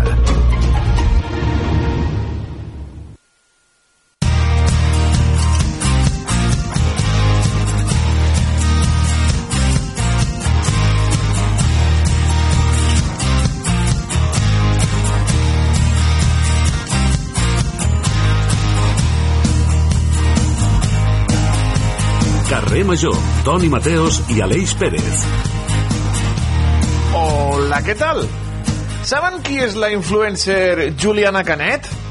Potser vostès no, però segur que els seus fills o els seus nets la coneixen prou bé.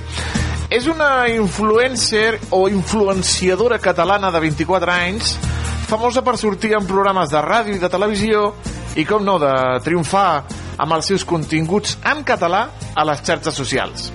Doncs la Juliana Canet, en un dels seus darrers TikToks publicats, ha dit que la gent més intel·ligent de Catalunya és la gent de Reus. Pausa dramàtica. A la llista de pobles catalans, amb la gent més llesta, en primera posició està, segons la Juliana Canet, la capital del Baix Camp. Diu la Juliana, de Reus, lloc de savis, com Gabriel Ferreter o Joan Miró, que també és de per la zona. Home, a veure, Joan Miró de Reus, ell va néixer a Barcelona, la família era de Cornudella i tenien la famosa masia a Montroig on passava llargues temporades. Juliana, t'has deixat a il·lustres reusencs com Gaudí, Prim, Agustina d'Aragó, Rebull, Toda, Fortuny, Vilaseca, Amorós, Anguera, eh, Buenafuente, Sergi Roberto o de Santa Maria. Diu que només hi ha gent increïble a Reus. Bueno, I que tot el talent que creuen que tenen els barcelonins és gent de Reus que hi treballa allà. allà. Home, Juliana, jo sóc de Reus de tota la vida i conec a uns quants imbècils integrals que també són de Reus de tota la vida i són més tontos que una sabata. Aleix Pérez, bona tarda. Bona tarda, Toni Mateos. Això ho deies per algun concret? Que tu ets de Reus de tota la vida. Mm, Ah, bueno, de tota la vida, tota la vida no, però hi he viscut gran part de la meva vida. Em Tu sento nascut? interpel·lat. On has nascut? Jo, jo, jo vaig néixer a Puigcerdà. Ah, doncs gent no llavors no ets reusenc? No sóc reusenc de tota la vida, però porto aquí des dels 5 anys. Bueno, però no et donis per al·ludit quan he dit Llavors no imbècils dono per integrals. al·ludit, no? Llavors, llavors estic més tranquil. Eh, jo crec que a a la Juliana Canet li ha passat una mica allò de, de que peques, no? De, de, de, que, de que des de fora tot és molt bonic, però jo crec que si es passa aquí uns quan, unes quantes Un setmanes... cap de jo setmana, que- eh? Sí. Jo crec que, Un jo cap de que, setmana i s'arregla. Sí, crec que s'ha- nuvolat molt amb, amb Gabriel Ferreter, no? que és una gran figura, però més enllà d'això, jo crec que, que de gent bona i de gent de dolenta n'hi ha a tot arreu. Home, i tant, i tant, i tant. Eh, tu ets dels reusencs eh, eh, guapos i, i, Ah, i, i, i llestos, Tu també, eh? Toni, tu també, No t'enfadis, Aleix, eh? No, no m'enfado. tot, No. tot és broma, tot és broma. Que si no, si hem d'aguantar gent- una hora de, de, mal, de mal humor, no sé com No, no, home, l'aguantaríem no, cada per l'amor de Déu, jo, però, però, bueno. La gent més treballadora, la gent més llesta, la gent més pencant, la trobaran aquí, al carrer Major. Programa que fem cada dia, Ràdio Ciutat de Tarragona, Ona la Torre, Altafulla Ràdio, Ràdio Montblanc, la nova ràdio de Reus, Ràdio Hospitalet de l'Infant, Baix Camp Ràdio i Ràdio La Selva del Camp amb el tècnic més ràpid, guapo i llest del món, que és en Eric Rosique. I amb un reusenc de tota la vida que és un borinot, que es diu Toni Mateos. Com hem dit, Juliana, vine un cap de setmana a Reus. Et presento uns quants que toquen poder i potser renoves la llista. Benvinguts a Carrer Major.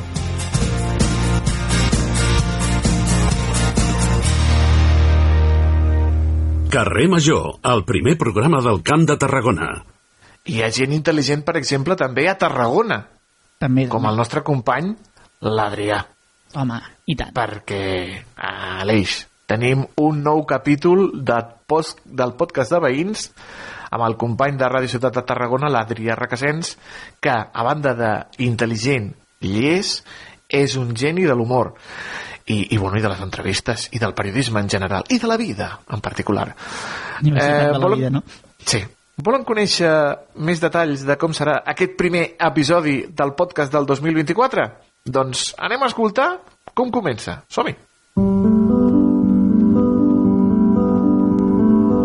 Aquest és un nou capítol del podcast veïnal del Camp de Tarragona. Històries i protagonistes del nostre territori.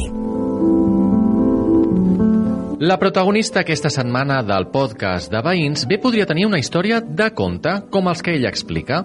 Em dic Pepi Miró, tinc 75 anys, estic jubilada, per suposat. Tota la meva vida m'he dedicat doncs, a, a les relacions públiques, administrativa, i, i tinc molta vida a molt en contacte amb la gent. Poder soc de Tarragona, nascuda aquí, i, i tota la vida que he viscut aquí, quan vaig fer els 40 anys, vaig dir que em quedava soltera. Vaig fer una festa i tot de despedida, coses de la vida. Me trobo un dia al- en un, en un bar, amb un noi que coneixia de quan era jove, bla, bla, bla, i ens vam retrobar. Ah, allò va ser l'amor, un fletxasso, i aquest noi era d'Altafulla, vivia d'Altafulla. I llavors ja vam començar a viure junts i llavors ja vaig anar a viure a Altafulla. 30, 32 anys a Altafulla Històries, vides, trajectòries, anècdotes. Els nostres barris, carrers, places, municipis, pobles i ciutats compten amb un grapat de veïns i veïnes rellevants per una cosa o altra. El podcast veïnal de Carrer Major, el programa de les 8 ràdios de la xarxa al Camp de Tarragona, ens fa descobrir aquests perfils del territori cada setmana amb Adrià Requesens. No et perdis cada capítol a rctgn.cat. Podcast de veïns. Gent amb marca local. Ojo que la Pepi va fer fins i tot una festa Sí, per sí. acomiadar, per dir que es quedava soltera. Increïble. eh? I, i, i això Després- m'agrada també l'inici que deia jubilada, òbviament. O sigui, ha com... com... Hi ha un moment que dic jubilada, òbviament. Quina sort, senyora, jo també vull. Eh, volen conèixer com continua aquest episodi? Doncs el poden escoltar a www.rctgn.cat al servei de ràdio la carta amb els twitters de les 8 emissores del programa i, com no, també a la plataforma Xarxa Més. Señoras y señores, vamos a vivir un momento histórico. Está con todos nosotros después de 500 años de ausencia de los escenarios, ni más ni menos que Cristóbal Colón. Cristóbal, ¿cómo, cómo te sientes? Llámame, llámame Chris. Chris, sí. Chris, Chris, ¿cómo estás? Me siento emocionado de volver a los escenarios. Han sido 500 años en la 500, sombra, sí. en el ostracismo. Yo creo que no me merecía esto. Yo soy un number one. Oye, fuiste el primero en 500 hacer una gira americana. fui el primero, fui el pionero. El primero que hizo una gira por toda América y no me merezco los cinco siglos que he estado chupando alfombra. Gracias. ¿Sabéis Pero, cómo hombre, me Cristóbal? Cristóbal, sí. Tenemos que, tenemos que cortar. Cristóbal, Cristòfol. Que Cristòfol Colom va descobrir el continent americà, això ningú ho dubta. Bueno, alguns potser sí. També es tenen dubtes de la seva procedència. Uns diuen que era de Gènova, uns altres que era de Portugal. També hi ha una disputa sobre el lloc del seu enterrament, que si està enterrat a Santo Domingo. Jo he visitat la catedral de Santo Domingo i diuen que estan allà. A Sevilla, també he estat a Sevilla i també és allà. A Valladolid, Ara, una polèmica més. I si els diem que Cristòfol Colom potser era català?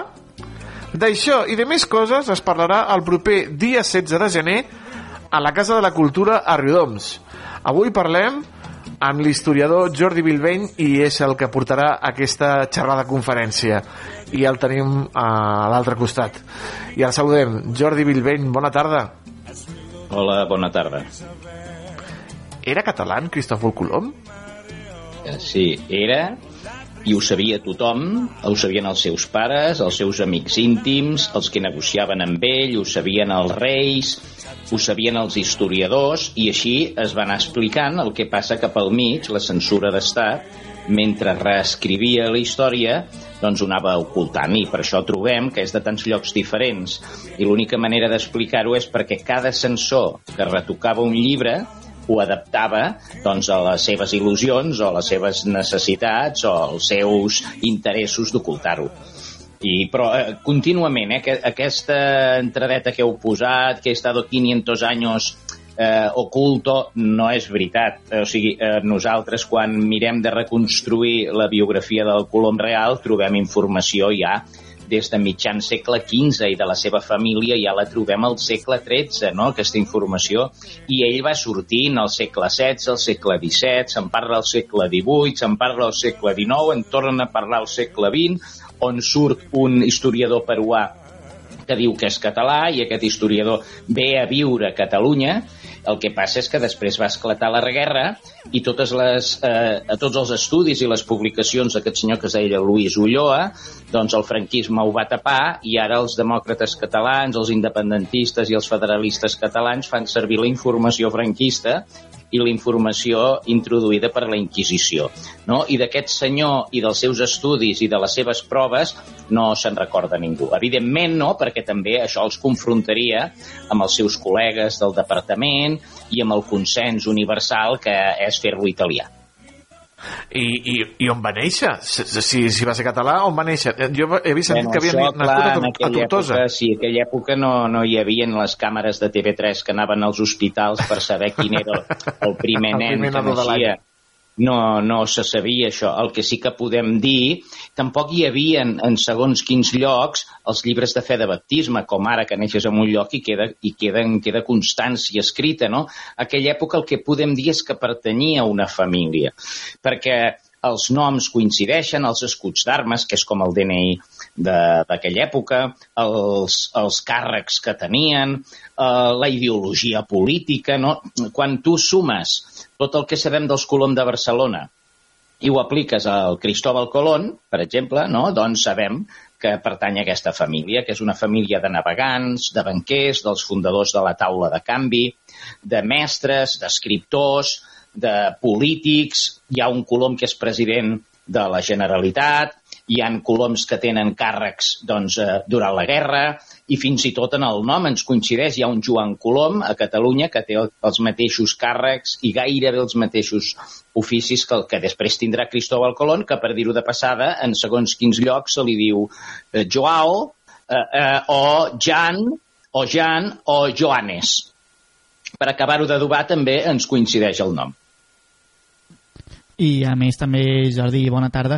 Jo no sé, Hola. entenc que també és, és complicat a l'hora de, de, de fer un triatge, no? Perquè entenc que tothom, com comentàvem, tothom tira cap a casa seva amb, amb, amb, amb Cristòfor Colom. També una mica com es fa aquesta tria d'informació per acabar en, en aquesta conclusió i també la, la, qui, com es fa la diferenciació no? entre documents que, considera, que consideres que són doncs, verídics dels que no.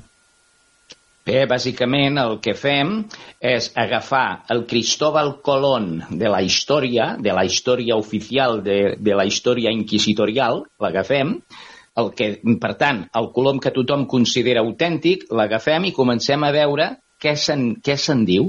No? Com que el nom, eh, els llocs de, de naixement eh, han estat eh, canviats, no ho podem tenir per, per cert, això, però hi ha altres coses. Per exemple, sabem que era un virrei i un governador general. Aquests càrrecs, com ja deia l'Ulloa, només existien a la monarquia catalana. O sigui, la nació catalana s'eixamplava amb regnes i cada regne hi posaven un virrei. Per tant, hi ha virreis a l'Aragó, virreis al Principat, virreis a València, virreis a Mallorca, vir- virreis a Sicília, vir- virreis a Sardenya, virreis a Navarra, i després hi ha un virrei a les Índies, no? Com que a Castella no hi ha virreis, doncs, ostres, això, això és un element molt definidor que cap historiador, cap historiador ni doctor ni, ni, ni catedràtic esmenta, no? Perquè, és clar això confronta amb, el, amb la història oficial. Per tant, a partir d'aquí i de la ideologia que Cristóbal Colón oficial, el Colón de la història, ens diu que ell diu que va estar a les ordres de Renat d'Anjou, del rei Renat d'Anjou. Eh, durant una guerra que hi va haver, i resulta que en el moment que Cristóbal Colón està a les ordres de Renat d'Anjou, els Colom de Barcelona eren a les ordres de Renat d'Anjou perquè Renat d'Anjou va ser rei dels catalans del 1466 al 1472 a nivell oficial i després a nivell extraoficial va continuant, el van continuant reconeixent com a rei, però ja havien d'anar-lo a servir a Marsella, que és on tenia eh, la seva residència habitual, no?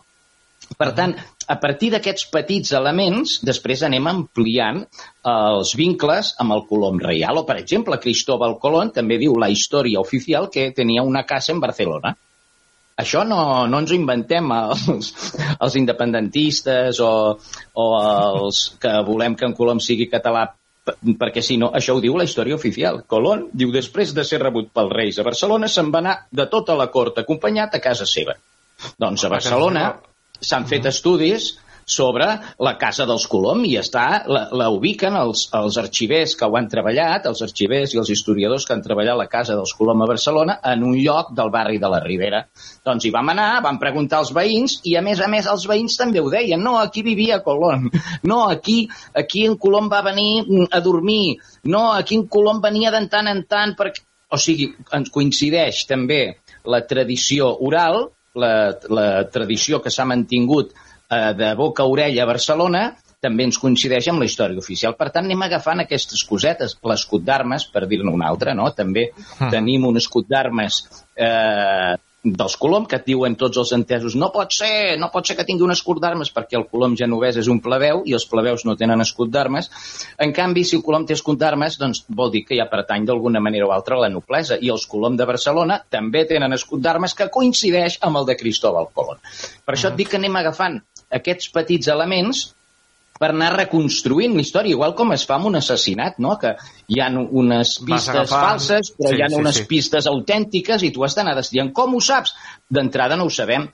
El que sí que no podem fer en un assassinat, el que no fa cap investigador seriós, és entrar i dir, hòstia, quin merder, quanta sang, ai, quina mala cara que fa el mort. Mira, saps què?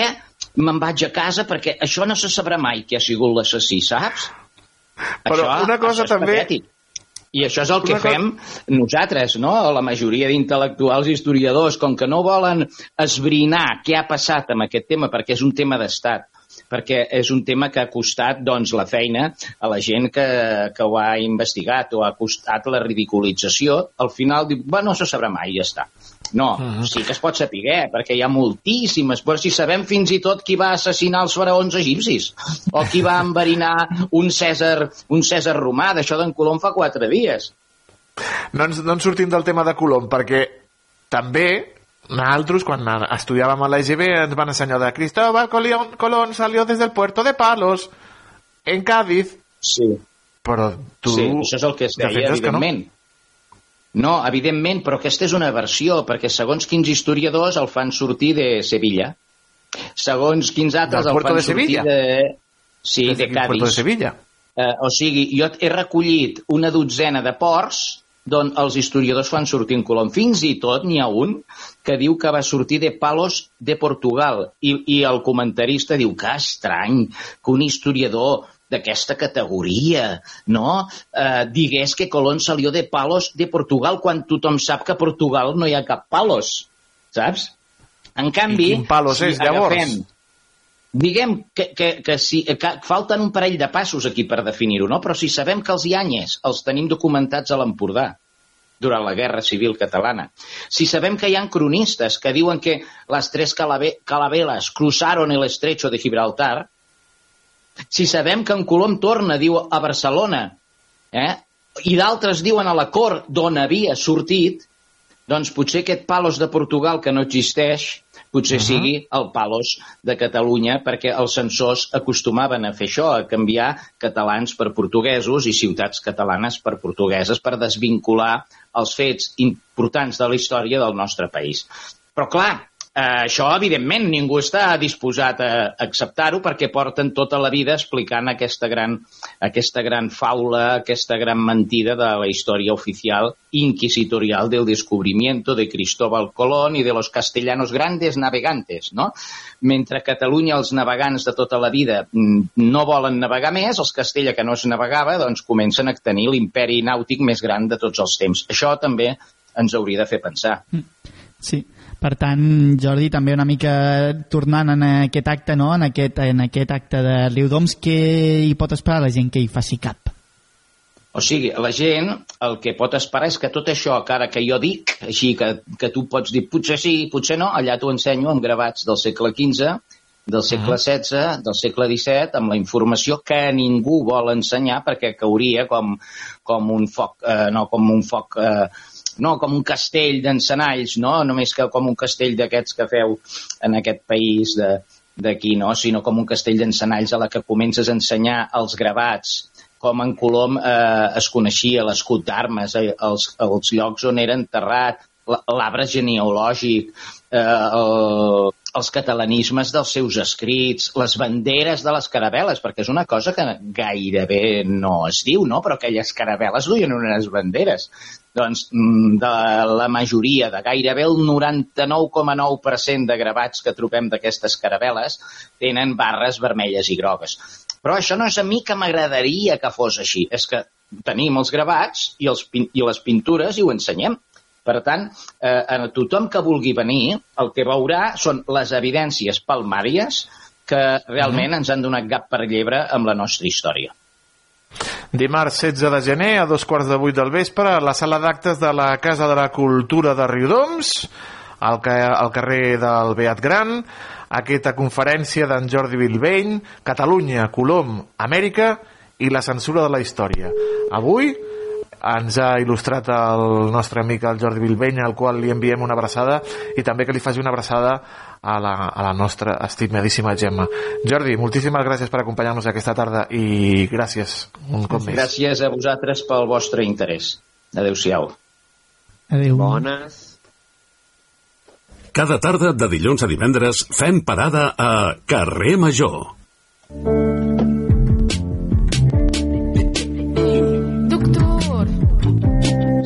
Está flaco. noto extraño. Atibúrrelo. No quiero más puré, qué rica la tortilla. Apártame lo rojo de la ensaladilla. Si me das un guisante, me quedo como antes. Yo necesito un plato, o dos, o tres, o cuatro. Doncs eh, continuem aquí al carrer Major després de parlar de Cristóbal Colón. Amb l'arribada de l'any nou eh, arriben també els propòsits a l'Eix. I com no, fer dieta sempre està a la llista, no? És, és, és aquell moment, sí, és aquell moment de posar-nos la visita al dentista, eh? de posar-nos davant de, de nosaltres mateixos i del que hem sigut aquestes festes nadalenques. Que, Però és bona idea començar dieta al mes de gener, després dels accessos? Li preguntarem al nostre expert en nutrició, el Guille Mena, que ens acompanya un any més aquí al carrer Major i el tenim a l'altre costat del fil telefònic que l'hem enganxat treballant i li estem robant de temps. Guille Mena, bona tarda, bon any, com estàs? Hola, Toni, què tal? Com esteu? Bon any. Perdoneu Molt que bé, us, que us, que us talli, d'acord? Perquè bueno, hem rebut un missatge i estem de, de camí al, al, al tanatori. Aleshores, Hòstia. hem, sí, ha passat això ara i, i mira, ha passat en directe i prefereixo explicar-ho i dir-ho i aleshores, si us sembla bé, doncs, amb aquest, aquest programa tan xulo que havíem preparat, doncs el fem per un altre dia, us sembla? Home, en aquesta, en aquesta ocasió eh, no, no, no hi ha excusa. Eh, Guille, no Vale. et molestem. Eh, Sí. Deixem que estiguis amb, amb els éssers estimats i t'enviem una forta, forta, Mira, ha forta passat abraçada. ara, eh? Ha passat just ara. No, no, no, no, no. Això, Ho sen- ho, eh, ho sentim. Em sap molt greu. No, no, ho sentim, ho Una sentim. abraçada molt forta. Una abraçada, Guille, i fins, a, de, Gràcies. fins aviat. Que vagi bé, que Gràcies, vagi bé. moltes company. gràcies. Una abraçada. Nosaltres Bé. continuem. Uh, Escolta, tristes doncs, notícies. és- Tristes notícies en Sí. directe, Aleix. Són les coses que passen en directe. Des d'aquí una abraçada pel Guille i per tota la seva família. Anàvem a parlar de nutrició, però no passa res. Tenim Sempre- un munt de coses exacte. Al preparades. final- I saps de què anem a parlar? Crec que sí. De futbol. Eh, Què et sembla? eh, D'això en sabem un rato, crec, tu i jo. Uh, que soni de, la de, música. de, menjar, de menjar bé potser no, però... De futbol, sí. Bienvenidos al estadio del Fútbol Club Poderoso, del Fútbol Club. El Fútbol Club Poderoso es un equipo glorioso, coronado y coronado, siempre queda victorioso. Nunca nadie le ha ganado. Siempre son los campeones, ole ole, mi cojones, gritan sus aficionados, colgando de los balcones los poderosos colores de sus poderosos trapos. Todos son del poderoso y se sienten poderosos con los goles poderosos de jugadores famosos, lo más caro del mercado. Jugadores ricachones, ole ole, sus millones, mientras sus aficionados humildes trabajadores bendicen al poderoso y lo endiosan a diario. Que, que gran, que gran és los càrboles, eh, de veritat, eh? Que gran és los càrboles, de veritat.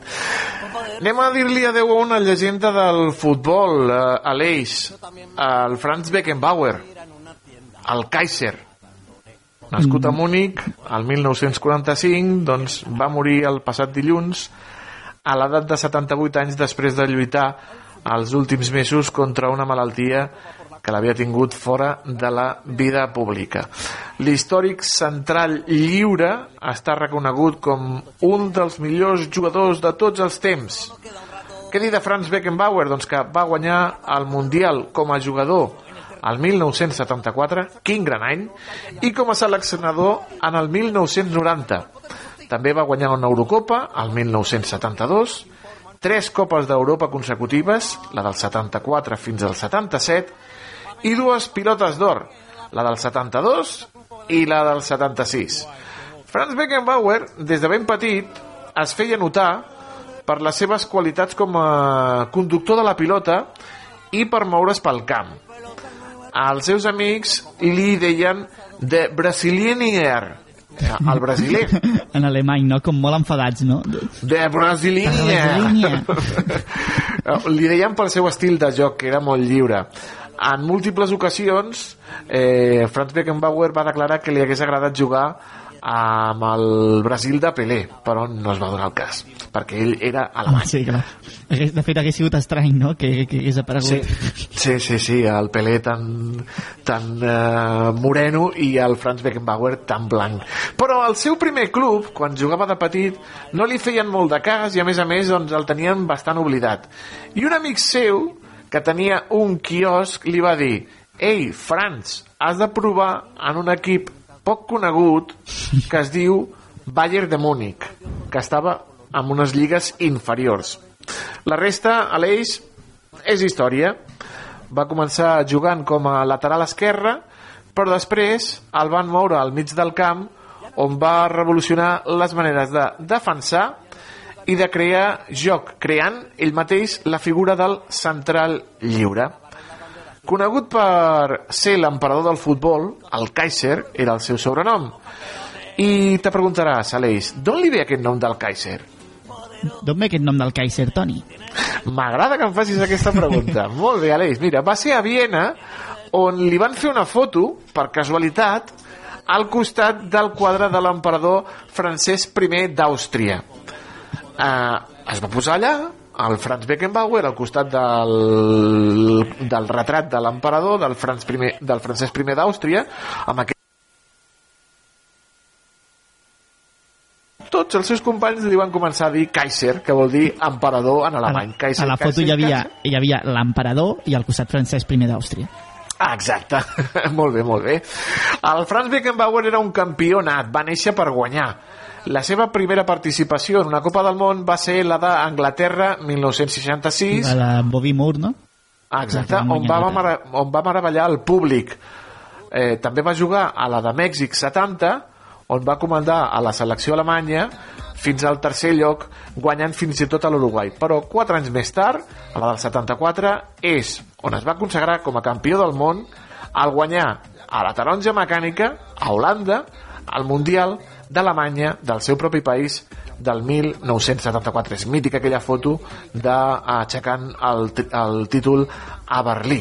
A més, va aconseguir l'Eurocopa del 72, tres lligues de campions de la UEFA, una Copa Intercontinental i cinc Bundesligues com a jugador. Però la cosa no acaba aquí com a jugador, perquè com a entrenador també va guanyar la Copa del Món a Itàlia el 1990 comand, bueno, dirigint la selecció alemanya i Beckenbauer va fer encara més gran la seva llegenda en aconseguir ser la segona persona en el món a aconseguir la Copa del Món com a jugador i com a entrenador. El primer en fer-ho va ser el brasiler Mario Zagallo, que havia aconseguit aquesta fita 20 anys abans, el 1970. Curiositat, Aleix. Zagallo va morir el passat 5 de gener i el Ostres. Franz Beckenbauer va morir el dia 8. Ah, que les dues pers- Sí, sí. I, I clar, i a més també, o sigui, la, la, la gesta no, que comporta guanyar tant com a entrenador com a jugador, perquè al final un Mundial es juga cada 4 anys i tampoc és tan senzill guanyar una Copa. Hi ha, hi ha grandíssims jugadors que ni l'han olorat No. la, la, Copa, la Copa del Mundial i, i mira que han guanyat trofeus, però al final és la màgia no? que també té aquestes competicions doncs, de, de, de seleccions. Doncs mira, les dues úniques persones en el món que havien guanyat la Copa com a jugador, la Copa del Món com a jugador i com a entrenador, totes dues doncs han mort aquest 2024, el Mario Zagallo i el Franz Beckenbauer. Com a entrenador, Franz Beckenbauer va dirigir també el Olímpic de Marsella la temporada 90-91 i el Bayern dels seus amors els va dirigir en dues etapes. El 1994 el va dirigir eh, com a entrenador guanyant la Bundesliga i el 1996 com a interí fins que aconseguissin el nomenament dels corresponents eh, entrenadors que ell mateix va despatxar perquè, oh, estimat Aleix, va ser d'entrenador i president del Bayern alhora. Ostres, i perquè, i perquè ja era gran, perquè si no hagués saltat al camp perfectament. Jo que... Exacte, diu. Posa'm unes botes que ara mateix veuràs. El Bayern, el club dels seus amors. Va ser president del Bayern des del 1994 fins al 2009 on eh, va deixar el càrrec i va ser anomenat president honorífic una de les seves grans gestes com a jugador va ser un partit que eh, molts d'ells anomenen el partit del segle. Va ser Alemanya contra Itàlia al Mundial de Mèxic del 70. Va jugar amb l'espatlla dreta dislocada. Després de que acabés el temps reglamentari, als 90 minuts, el partit va acabar amb empat a un. Però Alemanya havia fet tots els canvis i Beckenbauer estava lesionat. Es va negar a sortir del camp i va jugar al temps de la pròrroga amb un cabestrell al braç dret que fort. i tot i que Alemanya va acabar perdent aquell partit davant dels italians, aquell gest de no deixar el terreny de joc, no abandonar els seus companys i continuar lluitant tot i que s'estava morint de dolor, doncs va imprimir amb ell un gran caràcter i lideratge eh, dins del Sí. terreny de joc. quan parlem de futbol modern, no, Toni? Jo crec que a vegades ens referim a que hi ha coses com aquestes no, de, de Beckenbauer, que Exacte. jo dubto que molts jugadors eh, repetirien en el cas de tenir l'espatlla dislocada, No, no. que és una bogeria. Odio, o com aquella frase de odio eterno al futbol moderno, doncs mira, Exacte. aquí tenim a Franz Beckenbauer, que és del futbol d'antes. Franz Beckenbauer també és una icona de la moda. Sí. Estimat Aleix, com t'has quedat? Home, doncs, doncs bastant... Una mica el Pep Guardiola o una cosa així, que feia No, no, model. no, no, no, no, no, no, no, no, no, perquè té la seva pròpia línia esportiva. La marca esportiva alemanya Adidas es va inspirar en la icona de Franz Beckenbauer per llançar una línia de roba que, de moment, continua vigent amb sabatilles i conjunts esportius que porten el seu rostre i la seva imatge. Per exemple, és molt conegut el xandall Beckenbauer, que és el més venut d'Adidas, de la marca Adidas. És simple, senzill, vermell, amb les tres franges blanques aquí al, al braç i l'escut d'Adidas al pit. Aquest és conegut com el Beckenbauer.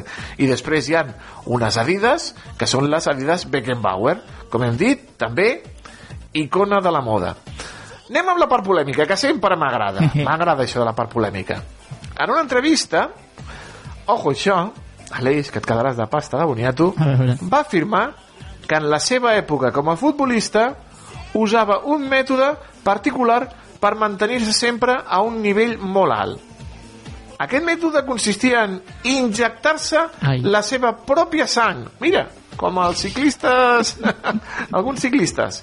Doncs s'injectava la seva pròpia sang que guardava, la qual cosa provocava una inflamació artificial dels globus en la sang i així augmentava el rendiment general de l'organisme.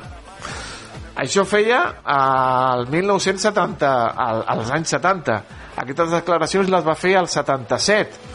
I aquestes pràctiques sí. encara d'injectar-te la teva pròpia sang encara no eren, al 77 no estaven prohibides. Sí, i a més, sí. en general, al, al món del futbol tampoc no hi ha aquesta permissivitat com hi ha, hi ha en altres esports com en el ciclisme o l'atletisme. És, és també més lax a l'hora d'aquestes tècniques. Déu-n'hi-do, això d'injectar-se sang, jo no sé si ho faria. I, Home, si i, és la teva... Ja, ja, però igualment, home, tu no et faria com cosa injectar-te la, la teva mateixa sang? Perquè això no entenc que ho feia ella a casa o sigui, ella estava al vestuari i abans, abans de saltar en el partit contra Itàlia diu, bueno, pues una miqueta de Bueno, sang aga- obria la nevera, obria la nevera i en lloc de prendre's un Red Bull, doncs mira, ell s'injectava la seva pròpia sang. A veure, eh, si està fresqueta, dius tu, ai, mira, ai, més sang pel meu cos. els brasileis haguessin flipat Més escàndols. Uh, va ser acusat de frau davant de la FIFA, uh, puntualment per la seva participació com a president organitzador del Mundial d'Alemanya del 2006, diuen per haver comprat el Mundial davant dels alts comandaments de l'organització de la FIFA usant les seves influències. Clar, deien, ostres, doncs anem a donar-li el Mundial a Alemanya, ja que tenim a Beckenbauer com a president honorífic, com a president organitzador.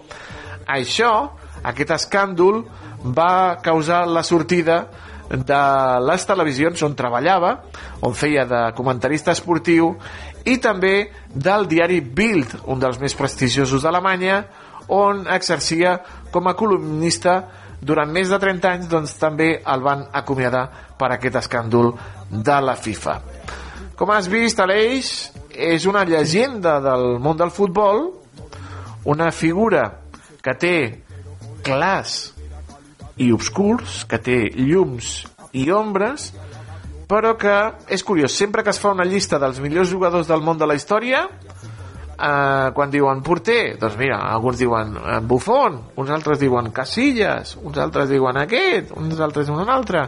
A la defensa, doncs mira aquesta, però en la posició de central lliure, aquí fiquen sempre a Franz Beckenbauer molt bé, molt bé.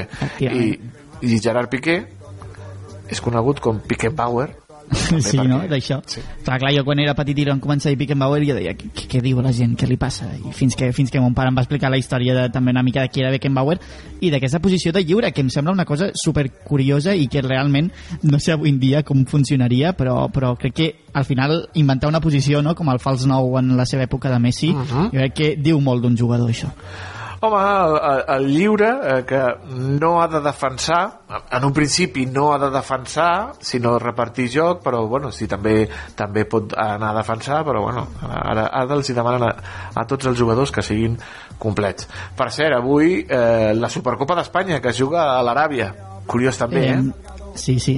Això t'anava a dir. Tu, tu, tu ets de l'Atlético de Madrid, no? A Més, jo també. soc de l'Atlético de Madrid de tota la, bueno, de tota la vida. Mm, Jo de petit, de petit, petit, petit era del Barça, fins que li vaig preguntar a mon pare, dic, papa, ¿tú a qué equipo odias más? I mon pare va dir, yo al Atlético de Madrid. Dic, pues de ese soy yo. En sèrio? Va anar així? Sí, sí, va anar així.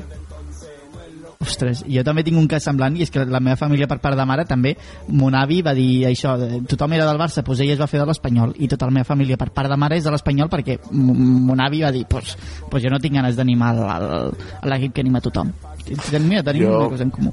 Pues mira, cosa, cosa d'allò de rebeldia de, de, sí. de jovent, de, bueno, de, de preadolescència, papa, tu a qui me odies més, al Barça o a l'Atlético? Dic, mon pare, a l'Atlético, a l'Atlético, no ho suporto. Dic, pues ese soy yo. I em vaig fer de l'Atlético. L'època de... han passat per l'Atlético, eh? Eh? Grans jugadors han passat per l'Atlético. Sí, sí, i sí, que, sí, sí, ostres, sí, i tant, i tant. I, i, i del camp de Tarragona. Vizcaíno, sí. per exemple. Mira, aquí. Doncs, estimat Aleix, Franz Beckenbauer, eh, avui aquí a la nostra secció dels tonis. Carrer Major, el primer programa del Camp de Tarragona.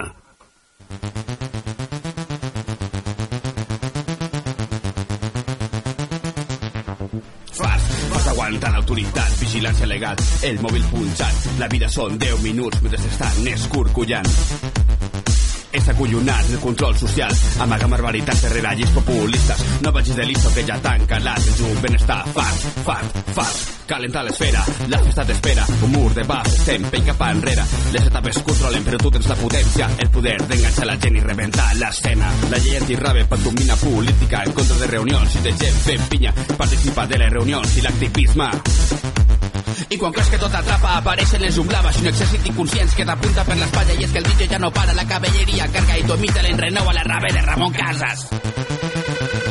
I enmig de l'escena es comenta que venen, carreguen centenars de persones davant la injustícia, el poble que crida, els veïns que s'ho miren. La mestressa quan surt la fresca, prunta i proclama que la seva xiqueta va estar i la festa, el poble s'hi gira, els veïns ho critiquen. La Mari s'acosta i li diu en veu baixa la festa remota està força lluny, que els nens no molesten, no són delinqüents, però el poble té por de que siguin valents, de que s'organitzin i creïn cultura, que junts construeixin una alternativa dins d'una utopia que ningú t'ofereix. I quan creus que tot atrapa apareixen les unglaves un exèrcit inconscients que t'apunta per l'espatlla i és que el DJ ja no para la cavalleria carga i tu emita l'enrenou a la rave de Ramon Casas. Quan creus que tot atrapa apareixen les unglaves un exèrcit inconscients que t'apunta per l'espatlla i és que el DJ ya no para la cavalleria carga y tu emita l'enrenou a la rave de Ramon Casas. Estupendísimamente, con ganas de irme yo, pero no puedo irme. A nosotros no nos molesta para nada. El ruido de un tum tum, que eso lo sientes con el frigorífico que está haciendo la noche. Me queda con una gana... Què, què és això que ens ha portat el, el David avui? Doncs no ho sé, però mm, m'agrada. Té un punt així una mica de ràbia. Tu fas pinta d'haver anat a moltes ràbies i a moltes festes, eh, Toni? Home, alguna... ah, Sí. Home, alguna, alguna Ah, a veure, i dos, i tres, dir- i quatre. Eh? He Home, de dir home. Que la famosíssima rave de Castillejos allà estava el senyor Mateos. Una famosíssima que es va fer als, als ah, això seria 98 90 però, però a finals dels a finals dels anys 90 es va fer una, una rave a Castillejos ja abandonat ui ui ui, ui. Eh, uh, bueno, doncs anem a la rave que ens ha portat avui el, el David Fernández el David Fernández també fa pinta d'haver anat a També, raves, també eh? fa pinta, eh? també fa pinta. Per cert, eh, ja, ja, ja van marxar aquells que van fer la rave de, de cap d'any i estaven preparant una altra. Sí. Eh, centrem-nos, centrem-nos. Anem a preguntar-li al David Fernández què és el que sona en la banda sonora del Camp de Tarragona. David Fernández, bona tarda, estimat. Hola Toni, hola Aleix, molt bona tarda. Avui sí que recuperem una d'aquelles novetats que teníem pendents del mes de desembre i que no us en poder posar abans d'acabar l'any. Es tracta del nou disc del segon treball ja dels Impactats, aquesta formació composta per dos membres de diferents municipis del Baix Camp que l'any 2021 ja van editar el seu primer disc que s'anomenava Mediterrània Bas Cultura i que d'aquest segon àlbum que té un nom força curiós, la Rave de Ramon Casas, doncs ja ens n'havien estrenat alguna cançó que havíem escoltat aquí al carrer Major, com ara aquell senzill que es deia De matinets. Això que hem escollit avui es diu La Rave de Ramon Casas, és la cançó que obre aquest segon disc i és una selecció de set cançons doncs, que ja podeu trobar a totes les plataformes digitals. Això sí, no us confongueu amb un altre treball que han publicat darrerament, un senzill amb tres cançons que van publicar el passat dia 5 de gener, que es diu La Raves de Ramon Casas Cara B. És a dir, són tres cançons que no van incloure a l'àlbum, però que han decidit editar també aquest mes de gener i que ja escoltarem i ja en parlarem un altre dia. Avui, doncs, aquesta banda que va néixer fortament influenciada el 2016 per bandes com Zoo, Espencat o Los Chicos del Maíz, els impactats del Baix Camp, és la banda sonora del dia del carrer Major. La rave de Ramon Casas.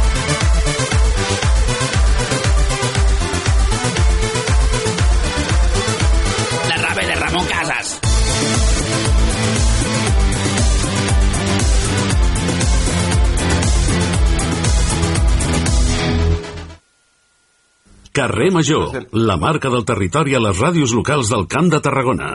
Gràcies, gràcies. Los chicos del maíz al zoo, que s'ha- s'han separat.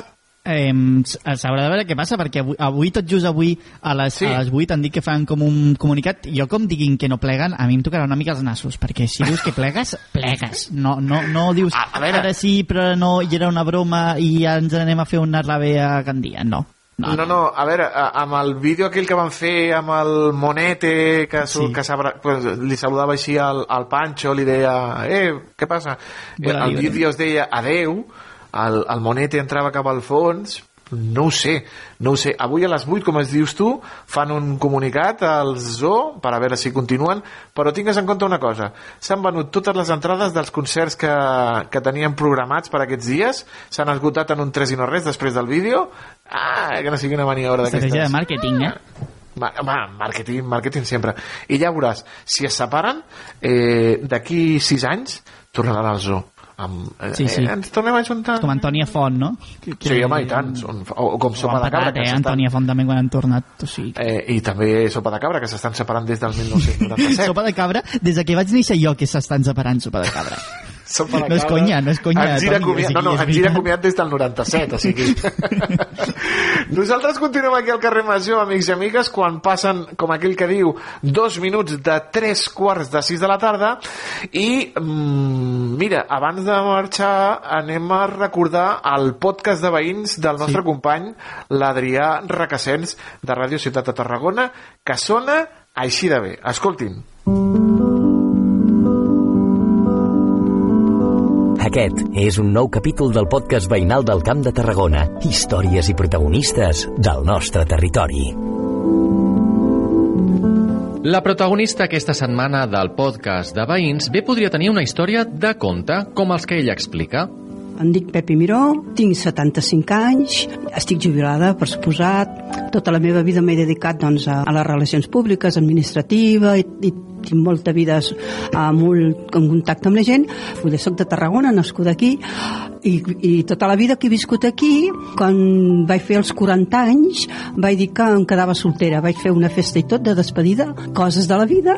Me trobo un dia a- amb un, amb un bar, a- un noi que coneixia de quan era jove, bla, bla, bla, i ens vam retrobar. Ah, allò va ser l'amor, un fletxasso. I aquest noi era d'Altafulla, vivia d'Altafulla. I llavors ja vam començar a viure junts i llavors ja vaig anar a viure a Altafulla. 30, 32 anys a Altafulla. Històries, vides, trajectòries, anècdotes. Els nostres barris, carrers, places, municipis, pobles i ciutats compten amb un grapat de veïns i veïnes rellevants per una cosa o altra. El podcast veïnal de Carrer Major, el programa de les 8 ràdios de la xarxa al Camp de Tarragona, ens fa descobrir aquests perfils del territori cada setmana amb Adrià Requesens. No et perdis cada capítol a rctgn.cat. Podcast de veïns. Gent amb marca local. Doncs més marca local, anem amb la nostra furgoneta. Ràpid, ràpid, a la furgo! Perquè avui la Cristina Artacho visita la ciutat de Reus. La saludem, a veure on para. Cristina Artacho, bona tarda. Va, benvinguts un dia més a la Furgó i avui sóc al Museu de Reus on des de fa més d'un any està exposada l'exposició després de la guerra que justament la setmana que ve arriba ja al seu final. Per parlar de com ha anat i de les activitats que es proposaran per aquesta última setmana m'acompanyen el Daniel Requesens, el regidor de Cultura de l'Ajuntament de Reus i el Marc Ferran, que és el director del Museu de Reus. Senyor Requesens, eh, quina importància té que Reus hagi dedicat un espai durant més d'un any a explicar com es va viure la ciutat d'aquesta postguerra i el franquisme? Jo crec que és, és molt important, eh, pel que fa a la memòria, eh, tenir espais que ens permetin explicar-la i que ens permetin fixar-la, aquests llocs de memòria que, que parlen els entesos. I, per tant, eh, el museu és el lloc ideal eh, per plantejar eh, maneres d'entendre-la, maneres d'explicar-la, maneres de compartir-la, i, per tant, ens hi havíem de posar.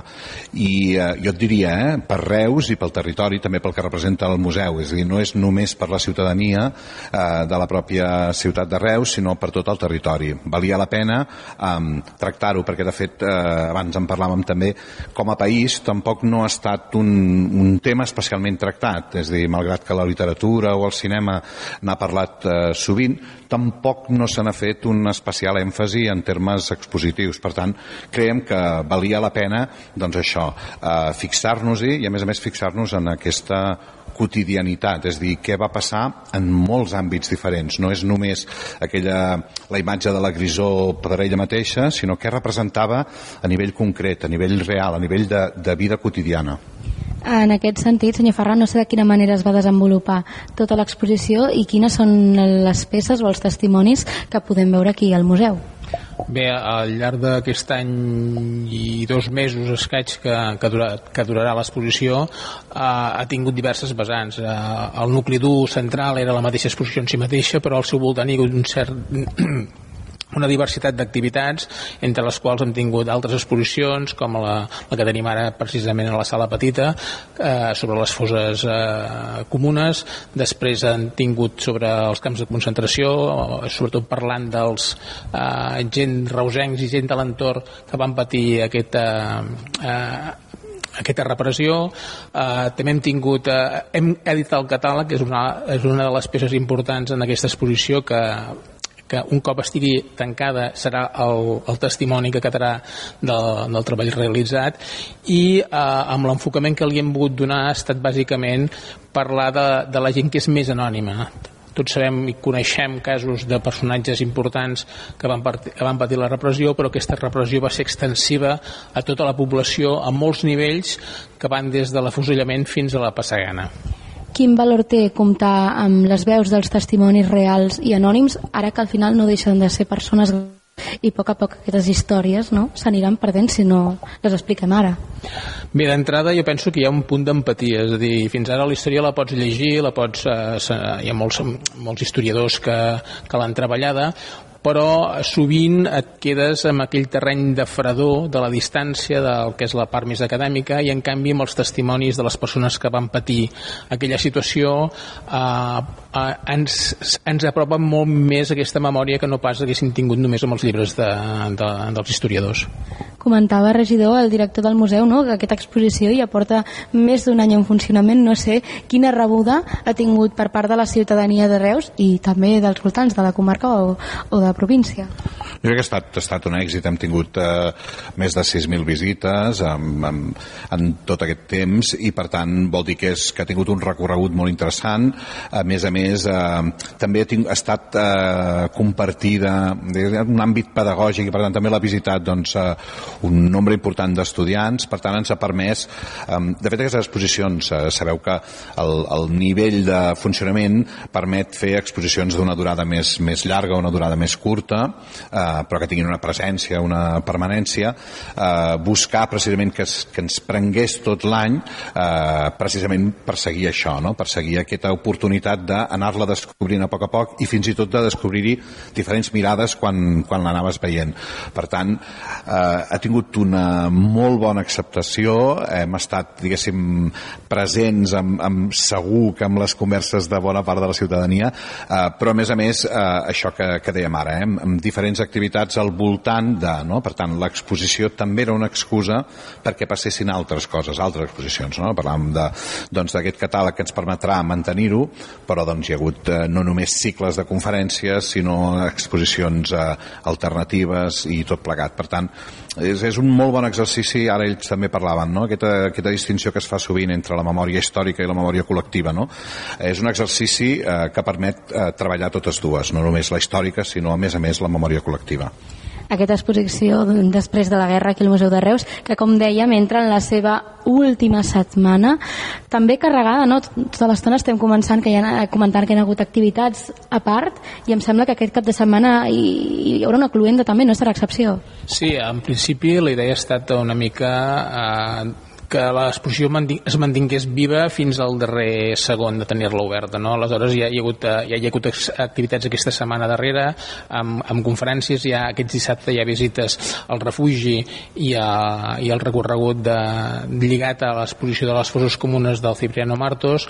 És dir, que hi ha un seguit d'activitats que són petites píndoles que acaben una mica eh, posant la cirereta del pastís en, en l'exposició com a, tal com ha anat. Aquesta exposició que acabarà la setmana que ve, però jo no sé si el regidor o el director del museu ens poden avançar, no?, què ocuparà aquesta sala d'exposicions del Museu de Reus un cop eh, aquesta exposició ja no hi sigui.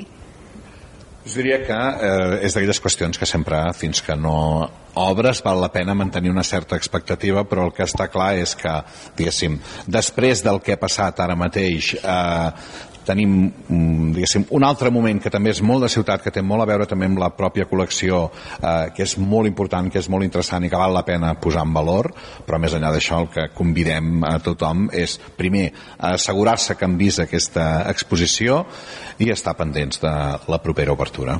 Doncs moltíssimes gràcies al regidor de Cultura de l'Ajuntament de Reus, el Daniel Recassens, el director del Museu de Reus, el Marc Ferran. Nosaltres ens quedem aquí a l'expectativa de veure què serà el següent, però de ben segur que ens queda una setmana per encara veure aquesta, aquesta exposició després de la guerra, per veure com era la quotidianitat a les Doncs moltes gràcies, Cristina Artacho. Sí.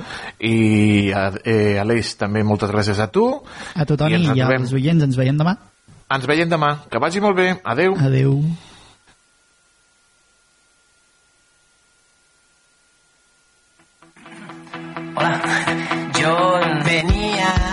Que bailaras a mi lado, que esta noche estás tan guapa, yo estoy más guapo callado. Lo siento, no sabía que ya había quien se muera por ti.